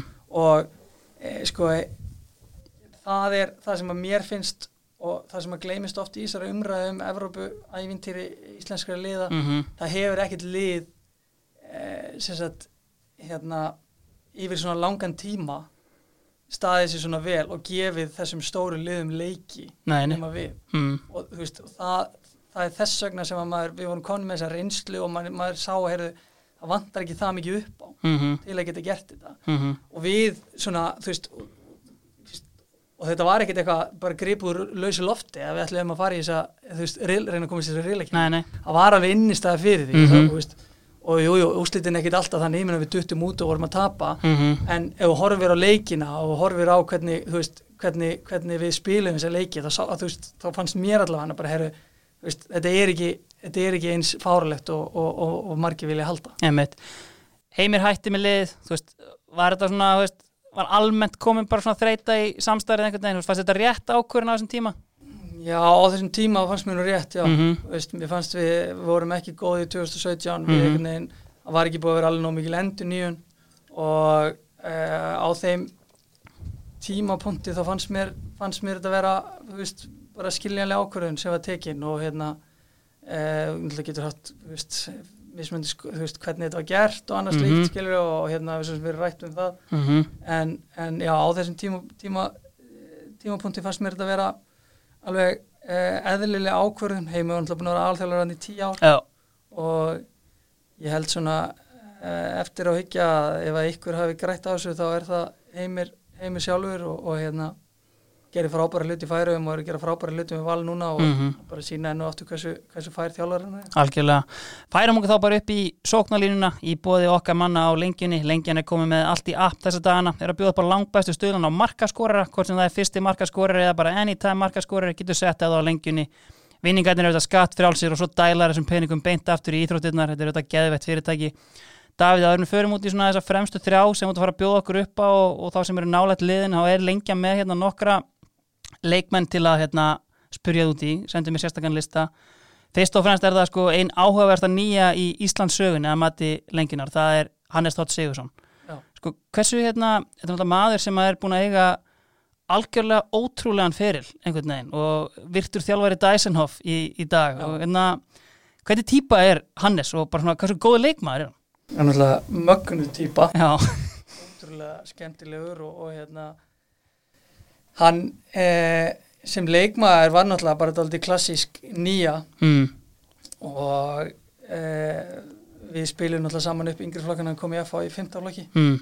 Grafavóinu já, og hérna hann er var náttúrulega mjög efnilegur og, og frábæð með 21 landslegin á sínum tíma. Skoraði bara eins og óður maður þar. Já, og svo náttúrulega er þessi atvinnum hann fyrir hans náttúrulega ótrúlegur. Já spila með mjög mikið að liðum. Ég meina að spila sko í bara veist, championship, rústnæsku eftirdeldinni, austurísku eftirdeldinni öllum eftirdeldum í er Brömbi. Nákvæmlega, þetta er ótrúlega ferill. og, og hérna hann var bara svona, þú veist klassísk nýja, ótrúlega stór og sterkur frábæri loftinu eh, gott að setja hann í lappinnar á honum og, og hérna en, en það kannski, má kannski segja að einhverju leiti með hann eins og, eins og með Sverri líka að þú veist að hann var meðslagjarn og þú veist, það þú veist, var kannski ekki vantaði upp á til að ná, ná kannski einhverju stabiliteti að haldast meira heill og hérna en alltaf eins og ég segi ólst upp með hann ótrúlega skemmtilegu karakter og, og hérna gaman að vera í kringum hann og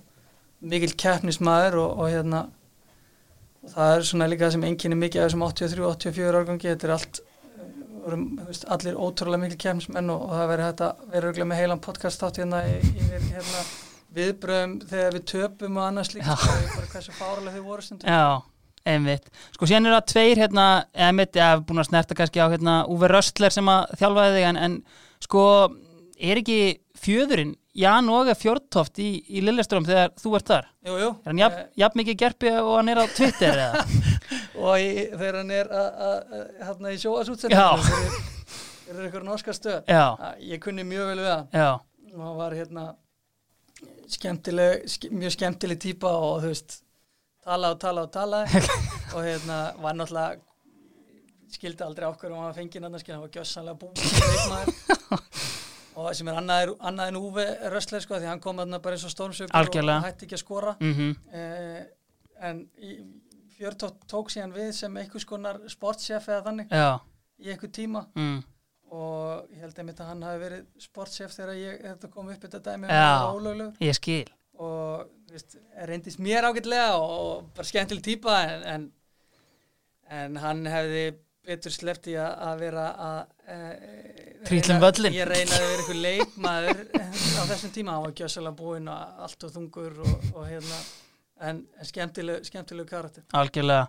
Sko, ef við förum þá bara í fremstu þrjá, byrja bara út á vinstri kantinum. Já, ég ætla líka sko varðandi miðjumennina að eitt sem að var mjög nálægt í að komast inn er náttúrulega Björn Daniel Já, eh, Björn Daniel og svona skilur eins og, og Bötti, þetta er svona smá kannski, þú veist, voru svona eins og litlu bræðumanns þegar Já. þeir voru koma upp mhm, Bjössi náttúrulega kom 2008, 18 ára gamall vann sér innsæti í byrjanleginu, mætti á Villa Park og, Já, já. og, og, og bara bossaði leikin mhm, og hérna ótrúlega mikið hæfileika búnt og, og hérna ótrúlega gott að- spila með hann skildi leikin mjög vel og, og bara þú veist, frábær fótballtamaður og, og hann var mjög nálægt í að, að að taka sæti af, af hérna bróðum mínum eða, eða, eða matta. Já.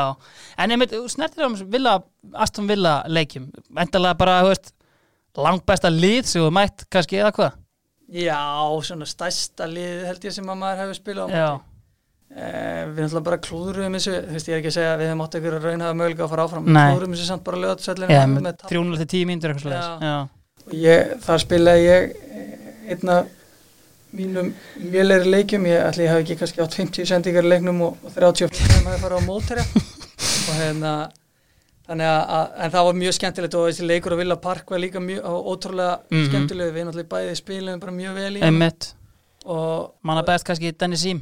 já, hann var, það er nú líka annar leikmaður sem kom til greina þarna sko. Já, bara, þú veist hæfileikalega sé hef ég ekki spilað með mikið af leikmönnum sem að ná hans kaliber sko Mhm. og ég meina, þú veist, hann var 1.70 og í þessum leiktilum sem er Aston Villa þá þá vann hann held í alla skallabólta sem hann var að fara upp í og það, þetta voru engir, e, þetta voru engir e, hérna, e, e, þetta voru ekki dvergar sem Nei. var að spila mótið hann sko. þannig að hérna, hann var ótrúlega góður og líka skemmtilegt með þann leika þá Aston Villa var náttúrulega að koma með þá svona kerfi, GPS-kerfi sem ekki að sé hvað hljópst mikið Já, það var til dæmis Matti, ég held að hann hefði bara um ykkur 15 km Já. það var bara eitthvað djók svo Tommy og Dennis hann í hafsendunum og Tommy var með hérna einhverja 8-9 km eða eitthvað sem Mm. er mjög mikið fyrir hafsend Já. 9 km og Dennis Sím og það var bara fjóra og hálf maður horfði á þetta bara what, þú veist bara, þú veist, bestur á vellinu og þú veist, þetta var bara hann í Já. bara skildi leikinn fáralega vel mhm. og algjör, þú veist, ótrúlega skemmtileg típa Áttu einhverja treyju frá þessum Villa Skiptir við einhvern? Nei, ég held að ég eigi bara treyjuna mín. Já, eða hún sé eitthvað staðar. Nei, en ég var ekkert mikið fyrir að skipta á treyjum. Náttúrulega í fyrsta lega þá maður spila með íslensku liði þá er maður þeir eru haldið fast í alla muni. nota þetta næsta ári sko. Og, hérna, en, og svo líka í þessum þeim fáið landsleiki sem ég spilaði þá held ég að ég hafi nú bara Hér treyna þína. já, hitt treyjuna mínu sjálfur allavega í þessum síðasta landsleik þá ákvað ég að gera það En ég meina, eru þá einhverjir fleiri miðjumenn sem að þér liggja á hjarta svona, fyrst ég greip fram í fyrir þér aðna? Já, e, það er náttúrulega eitt leikmaður sem að, að, að hérna, á svo sannlega skilið að vera í þessu liði en, en kannski bara af því að ég meistaralósferill minn með honum var, var frekar stuttur, ég spilaði bara með honum hálft tímabil, Mm -hmm. svo var hann bara farinn og, og hérna, hann er heldur betur búin að gera garðin frægan á, á, á, á Ítalíu sérstaklega, mm. það er Emil Hallfreðsson. Einmitt. æsku vinnu minn og, og við náttúrulega ólumst upp saman hérna í, í FH og hann náttúrulega bara, þú veist, er, er kannski sá leikmaður sem að, að ég hef spilað með sem að hefur náð hvað lengst. Mm og hérna bara ótrúlega magnaði ferill og, og byrjaði náttúrulega í okkur sem svona vinstri vangmaður en þróaði síðan hann á Ítalið bara í það að verða bara já, fyrst svona box-to-box miðmaður og, og, og svona aðeins varnasinnar núna á, á síðustu árum Var þetta einmitt svona hérna, að því að hérna, við erum búin að tala með hann 84 árgang og, og Emil auðvitað sá sem hefur nálegust eins og kemur inn á, en veist, var þetta, veist, veist, að því allir við að sagði við mig að það eru leikmenn sem getur látið boltan tala, hann getur látið hann syngja, var, en samt er það þú sem að breykar kannski fyrstur upp í mestarflokkina meðan Emil þarf aðeins að býða. Já, ég held bara, þú veist, að, að kannski þegar við vorum að alast upp að þá, veist, var ég kannski svona sá sem að, að var komin lengst Mhm. og, og ég, já, já, ég spilaði þarna fyrsta tímabil með 17 ára meðan að hann, hans bara svona breakthrough tímabil er, er 2004 þegar við verið meistarar, fyrsta skipti. Eh, hann bara, þú veist Emmi var bara þannig að þú veist, hann var alltaf frábær í fótbolta, ótrúlega teknískur og, og þú veist, eins og allir við að sagði, ég meina, þú veist hann, já, ef eitthvað gæti látið bolta syngja þá var það Emmi, sko. Og hérna, og, en, en það sem Emmi hafði líka er bara, hann, veist, hann hafði ótrúlega metnað fyrir því sem hann var að gera. Já, hann hugsaði svakalega og hugsaði svakalega vel um sjálfan sig. Mhm, og, og hérna hann svona eh, kannski eh, smá brautriðjandi í því að, að, að þegar hann var í þriðaflokki eða bara öðrum flokki þá byrjaði hann að- að fara frjálsétaðingar já, og það hjálpa hann alveg gífulega mikið. Mhm, og hérna þannig að, hann svona já, náttúrulega leit blúmer að því litunum til að hann er orðin 20 þegar hann, þegar hann er í, í, hérna, slæri gegn í mestarloknum en svo er þetta bara, veist, hefur þetta bara verið upp á því hjá honum algjörlega. Sko, ég fengi henni þáttinn algjörlega indislegu maður en svona léttsteikt típa eða hvað? já, já, hann er alltaf mjög hann er mjög hæglátur Já, og hérna og svona þegar hann var yngri að, já, sérstaklega hann var yngri þá gæti hann verið algjör steikstund þú veist bara hann fór hann til, til Tottenham eftir 2004 tímbilið og, og hann er góða bloggsíðu þarna. geggjaða úti. bloggsíðu og, og svona, þú veist var hann úti á Tottenham ég held að til dæmis einu sinni hafa hann bara farið eh, fór hann heim með fulla ferratösku að, skýtu við fötum að því að hann ætlaði bara að láta mömmu sinni þrýfa þetta fyrir sig og hérna, þú veist, og, bara svona leit, mjög laid back típa en, en þú veist, það hefur náttúrulega líka bara breyst ég meina, hann er bara, þú veist, náttúrulega orðin tveikja barna faðir í dag og, og hérna Flytjandi inn ólíur og... flytjandi inn oljur og pasta í, í bara bara heilu flutningaskipinu og þetta selst svo vel hjá þeim sko. Og hérna þannig að hann, þú veist, en, en þegar hann var yngri að þá var hann hérna þá gæti maður hleyið mikið á hann Já, algjörlega. Sko, eitt teik líka, spilaði líka aðeins með, hérna, er það ekki rétt sem er yngri bróður hans. Uh, náður eitthvað að spila með honum? eða? Já, ég spilaði með Háka eh, 2009 Náttúrulega maður sem að, veist, þarf að hætta snemma út af meðslum, en veist, man, ég spilaði henni í yngri flokkum og algjör skeppna. Veist, ég sá alveg mjög mikið potensial þar, saman En- því Já, já, klálega, Háki hefði ekki orðið mjög öflugur leikmaður og, og hann hafði alveg hæfileikan í það að fara að spila, spila Erlendis á einhverju tíumpunkti og hérna, hann, hann var svona að að byrja að æfa með okkur 2008 og svo spilaði hann með mér nokkra leiki árið 2009 mm og svo mann ekki hvort það var 2010 eða 2011 þar sem hann var eiginlega bara orðin byrjunalismæður og, og, og, s- var bara spilaði mjög vel -hmm. og það var bara náttúrulega eh, sorglegt hvernig, hvernig hnén á honum voru og, og hvað einhvern veginn, það var, allt reynd en, en það gekk ekki, en hann er svona hann er náttúrulega að, að þjálfa yngjaflokka hjá FH núna, hann er með þriðaflokkin og er að gera mjög flotta hluti Mhm. hitti þar mm. og virðist hafa mjög mikið fram að færa sem, sem þjálfari og það er frábært og svo er hann náttúrulega líka sér hann um fitness-þjálfunina hjá, hjá meistarloknu FH þannig að, að það er allavega hann jákvætt að hann, hann hefur þó svo hann náttúrulega sé vantarlega svektur við því að hafi ekki geta eh, hérna, haldið áfram með fótballtaferilin en að geta verið að vinna en, en þá hjá félaginu og innan félagsins held ég að, að það gefa honum ansi mikið. algjörlega. Eitt kannski með Emil og jafnvelká bræður en aðalega Emil kannski, þú veist, náttúrulega frækt gríðalega trúaðu maður, var það líka bara svona í æsku og einhver var það einhver tíman eitthvað issue bara hvað alltaf í kirkju og eitthvað svona dæmi? Nei, það var aldrei meina, Nei. hann bara, þú veist, er, er og, og hefur ekkert farin eitt í félum með það, hann er bara mjög trúaður og, og, og hérna, bara fjölskyldan, hans er það og, og hérna, en það var aldrei neitt eh, hjá okkur strákunum eitthvað sem að við vorum að pæla í, þú veist, maður er bara, þú veist, við síðan og góður já, já, er ekki, ekki segja það, það er líka bara, þú veist, það hefur ekki, engin áhrif á hann hvernig hann er sem, sem persóna og það er ekkit eitthvað rá, rétt eða rámt í því hversu mikið eða lítið þú trúur á Guð, þannig að hérna, hann var bara, þú veist, en það var hann heldur ekkit að trúðu sig eitthvað Nei, það var ekkert eitthvað sko. trúpa Nei, nákvæmlega. Herri, en ef við förum þá bara upp í sóknarlínuna uh, lukkusprengja liðsins í bóði lengjunar og nýja app sem styrra á skoðum kannski bara vinstri kantinn. Vinstri kantinn, þar er ég með Stephen Lennon. Já, einmitt Sko, við hefum snert einmitt á mönnum eins og veist, Tommy Nielsen og, og, og Alan Borkvart og, og svoleiðis típum sko, en þú veist þeir ekki bara stýtast í það að Lennon sé, veist, sá besti sem við höfum fengið hérna af útlendingum eða Jú, ég sagði einhverju viðtali fyrir sum, sumar, eða í sumar, að Mm. hann væri í topp þremur. Já, Ég ætla að breyta því núna eftir það sem ég er búin að sjá þessu tímabili. Já. Fyrir mér er hann bara besti útlendingur sem að hefur spilað hérna Mm. og þú veist, eh, Allan, Tommy, Tommy náttúrulega frábæra, Allan frábæra, Allan var samt bara inn í, í þrjú, þrjú, fjör ár. Já. Það sem Lenny hefur gert hérna á þeim tíma sem hann hefur verið, hann kemur áttu 2014 Mm eftir að hafa verið ykkur tvö, þrjú tímabili fram Mhm. þar áður. Hann er bara mínu viti eh, besti eh, erlendi leikmaður sem hefur spilað hérna og einn af allra bestu leikmaður sem hefur spilað í þessari deild. -hmm. Sko, hvað er mitt svona Hvernig típa er hann inn í klefanum? hann náttúrulega, þegar hann kom til okkar 2014 þá var hann náttúrulega léttu vitlýsingur og hérna og eh, ótrúlega skemmtilegur og, og, og svona einhvern veginn en svo er bara svo magna að sjá hvað hann hefur þróast í það að verða einhver að verða bara liðtói í þessu Mhm. liði og bara leikmaður sem að þú veist, þú getur alltaf stólað á Já, ég sé á Gassa sem alltaf stóla á hann líka þá þegar hann var aðeins meiri villisingur en hann, hann er bara svona leiðtóð týpa og yfirvegaður e, veist, við kemur hlutunum mjög vel frá sér Mm. duglegur að hjálpa ungu strákunum mm.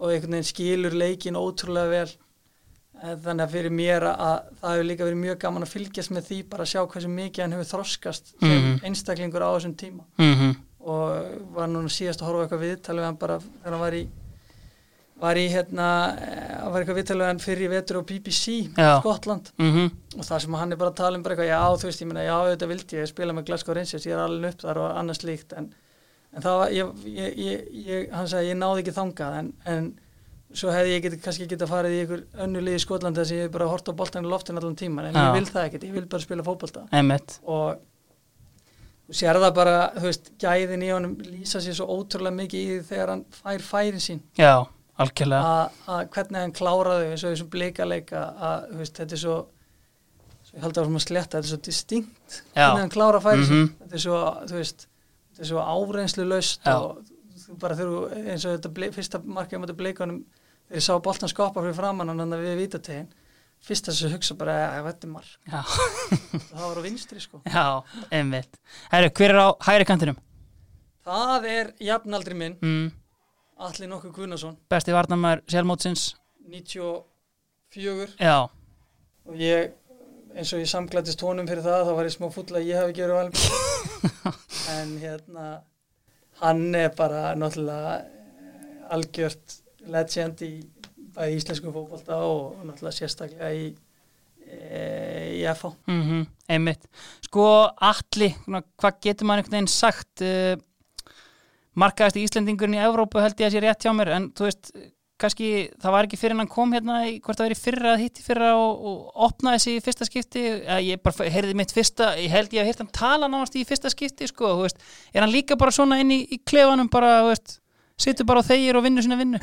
Hann er mjög hæglátur. Já, og hann er e, hann er hérna hann, hann er ekki þú veist við erum náttúrulega í, í, í sama vinnahóp og erum góði vinnir og, og hérna ha- hann er ekkit þegar við strákunir erum að hittast að, að þá held ég að, að það muni seint gerast að hann verði með flest orðin Já. á kvöldið. Hann vandar sig hvað hann segir og, og það er engin vittleisa sem kemur upp úr honum. Mhm nema kannski stundum hann er búin að fá sér nokkar og hérna en hann er bara, þú veist mjög hæglátur og rólegur náungi og, og, og þú veist hann kemur byrja svona að spila fyrir alvöru með F á liðinu 2006 mhm. Þá fer hann svona fyrst að fá eitthvað, eitthvað almennilega mínútur og Mhm. eitthvað slíkt gerir tvö mörki að Evrópukefninni mhm. Og hérna var líka bara kallaði það bara hérna í Champions League sko. Og svo bara ekst þetta og ekst þetta og svo náttúrulega bara springur hann út á 2009 einmitt. Þar sem hann er eh, hérna besti leikmaður uh, Íslandsmótsins og bara, þú veist, var langbesti leikmaður Íslandsmótsins þá. Mm annar, annar kantmaður sem mann dettur kannski í hug er maður sem kom eins og stormsveipu 2005 Tryggvi Guðmundsson. Já, það var mjög erfitt að skilja hann eftir. Já. alveg svakalega erfitt og, ef hann er að hlusta er hann líka örgulega brjálaður Já, ég skilði það og hann verður bara að heyra í mér og, og láta mig heyra það því að ég á það skilið sko Já. en, en e, þetta er náttúrulega kannski meira svona, þú veist, leikmenn sem ég hef spilað lengur með líka. Já, já, og hérna menn verða bara að fyrirgefa mig það eða er ekki þetta lið eða ekki. Já, og hérna, en Tryggvi náttúrulega breytti tók F-liði sem var nú komið á ágætlega háan stall þegar hann kemur árið 2005 og setti það á mun herri stall. Já, ég hef aldrei kynst eins miklum keppnismanni og tryggva Já. og ég er náttúrulega til sjálf að vera nokkuð mikið keppnismann líka og það var áhugaverð stundum á æfingum að- fylgjast með rifrildunum hjá okkur Já, og hérna ég var veist, kannski hann í kringu 20-21 ás og fannst eh, ekki til lægi að væri ykkur að rífa kæft við mig sko. og hérna þannig að það var oft líflegar umræður og, en Tryggva bara náttúrulega fyrst og fremst frábær fótballtamæður Mhm. og, og hann náttúrulega bara þú veist, ef þú hugsaður um eh, já, mæt og fjær þá hugsa bara allir íslenskir knarspindu unnundur um Já. af því að það var engin betur en hann í því. Nei, og við erum að tala um hvað eh, hva Lenny er góður að, að klára færi sín. Eh, Tryggvi var ekki síðri. Nei, bara ótrúlega góður að- finna sér færi og klára færin. Mhm, og bara þú veist hvernig hann, hann kom inn í þetta efalið og bara magnað og, og ég meina hann 2005 þegar við e, við erum ekki mótið val í 15. umferðið eitthvað þegar við tryggjum okkur titilin held ég jú. Já, hann fær sko, þú veist eiginlega má ekki segja frá þessu þetta því að þú veist, þetta er náttúrulega hérna, svo viðkvæmt mál í dag skiljanlega og á að vera það. E, heilristing fyrir áleik mhm, og hann segir bara að sé allt í lagi með sig. Já, og kemur út í setna áleikin skora mark, en svo tekin út af eftir það og veist, hann myndi geta henni skora eftir leikin, hann var það rugglaði sko. þetta bara lýsir honum sko. já, hérna, þannig að hann, hann hefði svo sannlega átt skilið að vera þarna en hann þarf að býti það súra eftir það ekki Sko ef við snertum aðeins á veist, síðasta tímanbílast tryggva þarna 2009 þá hérna þá lendir hann í því að hérna, veist, hann dettur út úr liðinni á heimi og hérna og svona maður sér svona, það voru ekki mörg viðtöl sem hann gaf en ég man sérstaklega eftir hérna það var, var byggarleikur við held ég FC Karl eða eitthvað svoleiðis sem að hérna hann spilaði og veist, F á marði leikin einhvern veginn ömulega framist á honum var svona tíðrætt um bara, já við sem erum ekki búin að vera í liðin og ég svona, maður sá í honum svona, veist, pyrringin sko, var hann, var hann erfiður á bekknum með það? eh, hann var eh, hérna eh, hann var bara, hann var ekki sáttur Nei, í bekknum. mm, en það var aldrei þannig að hann mætti á æfingu og þú veist, bara nefndi sér ekki Nei, eitthvað svoleiðis, einmitt. Hann er kannski ákveð að dæmi um þú veist, hann leta alveg heyri í sér Mhm. en hann var ekki liðin og var ósáttum með það. Mm en það var aldrei þannig að hann mætti á æfinguna og, og einhvern veginn var með hérna, reynda að skemma eitthvað reynda svoleiðis. að skemmi Nei. eins og hann kom bara á æfinguna og, þú veist, og einu sem hann ætlaði að gera var bara að sína hvað verið fárlega hann var ekki liðin Nei, sem hann svo gerði og náttúrulega kláraði tímabili bara í liðinu. Já, já, það var ekkit þurfti ekkit að býða lengi eftir að vera komin í lið. Nei, einmitt. Uh, Hver loka síðan liðinu upp á topp? eh, Alli Veðar eða Alli Víðir Öruglega skemmtilegasti slúttari sem að ég hef síðan ég eftir deilt uh, verður alltaf minnst fyrir mörkin sín en veist, var meira í þessum leik hjá honum? Veist, kannski ekki svona mikið physical presence endilega en veist svona bara kannski góður að finna svæðin og annað slíkt Já, hann var bara, frábær að finna svæði og að hafa hann í leikum sem að voru nú mjög oft þegar við vorum upp á okkar besta á móti liðin sem lágu mjög hérna, langt niðri þá var hann frábær í að finna lausnir að, þú veist, ef að, þú veist, við vorum kannski með boltanum fyrir vítategin að finna svæði þar sem að gatt fengi boltan í, þú veist, í hlaupið og, og, og, og klárað færin mm -hmm. og hérna hann bara ég veist, það er náttúrulega markaðasti leikmaður í, í sögu FA og Mhm. hvernig þriðasetti er markaðasti leikmaður Já, eftir deildar, já og svona einhvern veginn náði líka þegar hann kom fyrst í FA frá Dalvik árið 2001 og þá var hann náttúrulega bara rakjætta Já, svo breytist það eins og þessum meðslum sem Mhm. mm lendir í þessum crossband, mm, crossbandaslitum og hann einhvern veginn bara svona breytir leiknum sínum í það að, vera bara svona refur í, í, í bóksinu mm og svo finnst mér að líka bara veist, síðustu árun á ferlinum bæta því líka við að hann var, var hérna, ennþá betur uppspilspunktur. Já, fá boltan í lappinur og skilja hann af sér og svo Mhm. kemur hann sér inn í box. Mm og allir við er bara dæmi um mann sko, að því að ég fór eitthvað aðeins að hugsa e, ég ætla sem ekki að ábyrgjast það en það var ekkit það oft sem að hann var klárt fyrsta val Nei, í. Ég bara eiginlega mann e, e, það hefur kannski verið hérna 2008 já, 2000, og- já, 2008 að þá kannski var hann veist, algjört 100% fyrsta var já.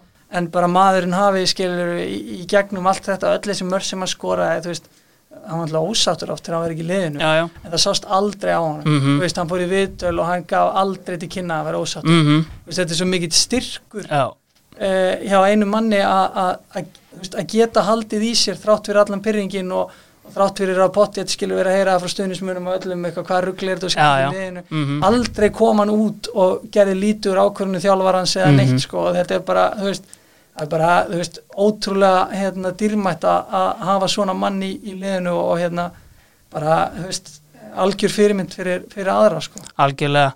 Þá er liðið komið að við rennum bara östnögt yfir það í markinu. Þá erum við Daða Lárasson, Vörnin, Jón Ragnar, Pétur Viðar, Sverrir Garðars og Bötti Löpp. Á miðinni Heimi Guðjónsson, Matti Villa og Bjarni Þór Viðarsson og framlínan Atli Guðna, Atli Viðar og Stephen Lennon. Sko, liðstöllingin komin í bóði Glacier Gin og Glacier Gin er auðvitað með genið sitt og einn af helstu kostum ginsins, bæði létt ginsins út í búð og þess þunga í ríkinu er að það blandast vel með öllu.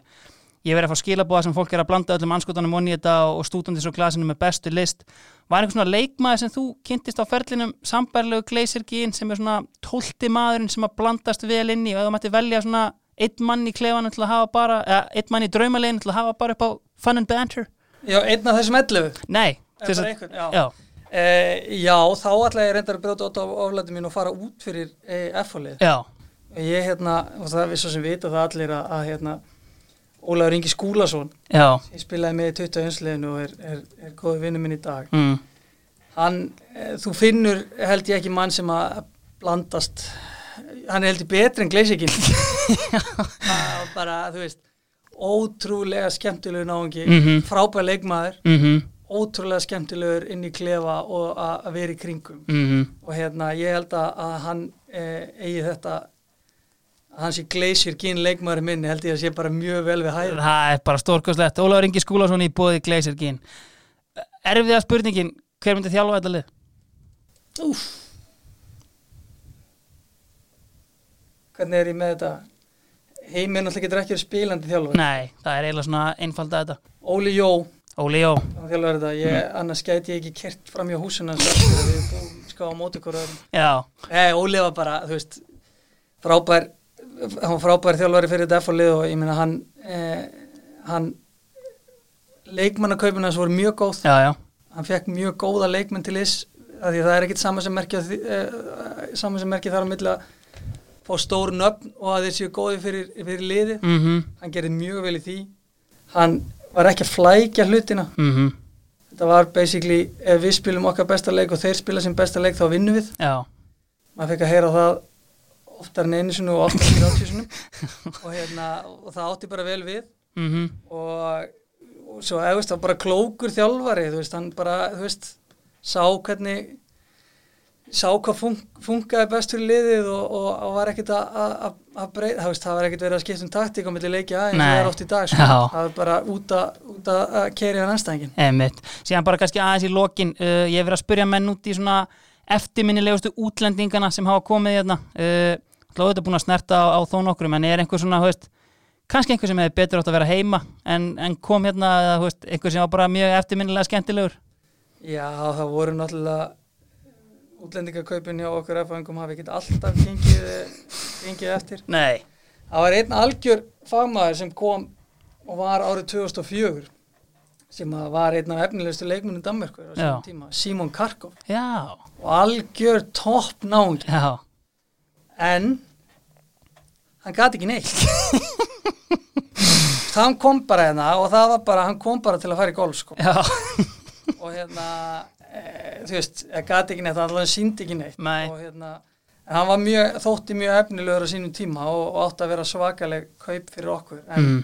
hann síndi e, ekki neitt af því Nei. hérna, hann hefði eh, við hefðum svona kannski frekar átt að Leita annað. leyfa honum að vera bara í Já, kannski svona maður sem hann dettur í hug sko, og hefur átt náttúrulega stórkostlegan fyrir síðar er Alexander Söderlund sem kemur hérna 2009 Já. Þú veist, sástu eitthvað fyrir að hann myndi ná þessum hæðum? Nei, ekki þessum hæðum Nei. en ég sá alveg fyrir mér að hann myndi ná hérna, árangri.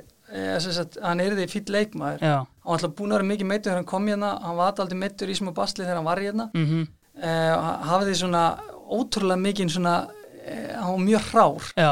Ótrúlegan kraft, ótrúlegan styrk. Mhm, og síndi alveg að hann getur klára færin hann á móti breyðablik þegar hann sett hann upp í vinkilin Já, hérna hér. Já, og hérna en, en, en hann veist, stóð sér allt í lægi fyrir okkur skoraði nokkuð mörg Mhm. svona skilur en, en ekki það sem að veist, nei, ég hef ekki haldið að hann væri að fara að spila í frönsku úrvarsli þegar hann er komin aftur til Norris núna en, en, en frábær, frábær leikmaður. Mm síðan kannski talandum ráan styrk, uh, ég er mikill Alan Dýring maður, uh, hvernig típa á það? það var mjög skemmtileg típa. Og ég náttúrulega að spila með væli að árið 2012 og búin að vera hann í þrjá daga og í bankan og fyrsti maður sem hitt er Allan Dýring og hérna ótrúlega skemmtileg einhvern veginn svona eh, alltaf hress, alltaf feskur. Spilaði hann ekki einhvern leik með mynd af konunni sinni? Jú. Já, eða spilaði eitt leik, hann spilaði allt tímabila hann. Hvernig var svona stemmingin í klefanum þegar hann var að klæða sig í hennan ból? bara, náttúrulega, þetta var bara orðið náttúrulega bara mjög mikill húmor þegar hann alltaf að fara úr honum. Já, skoraði hann aldrei, skoraði ekki fyrir 16 fyrir. Og fór hann úr honum. Já, en hérna, þetta var mjög skemmtileg típa og, og einhvern veginn náttúrulega var ekkit sérstakur sko nei, Eh, og var hann hjá okkur 2006 og tímbil eftir að Allan Borgvart fór átt að taka við á hún já. það var svona smá munur í gæðum. Mm En líka einmitt bara kannski Alan Borgvart típan, þetta svona barnabóka höfundur og annað, veist, var það bara svona right up his alley einhvern veginn, svona hipster einhver? Já, hann var náttúrulega algjör hipster og, og svona, þú veist, mjög skemmtileg, skemmtileg típa, Mm. öðruvísi típa heldur en flestir fótboltamenn Já, og hérna, þannig að það kemur ekkit eitthvað, eh, þetta er ekkit eins og þrjumur heiðskýr að hann sé að gera eitthvað svona, s- svona einhverja öðruvísi hluti. nei, nákvæmlega. Herru, Davíð, ég held að þetta sé bara tæmt hjá okkur, bara þakka að kella fyrir komuna í draumalið. Þið var hlusta á draumalið í bóði lengjunar.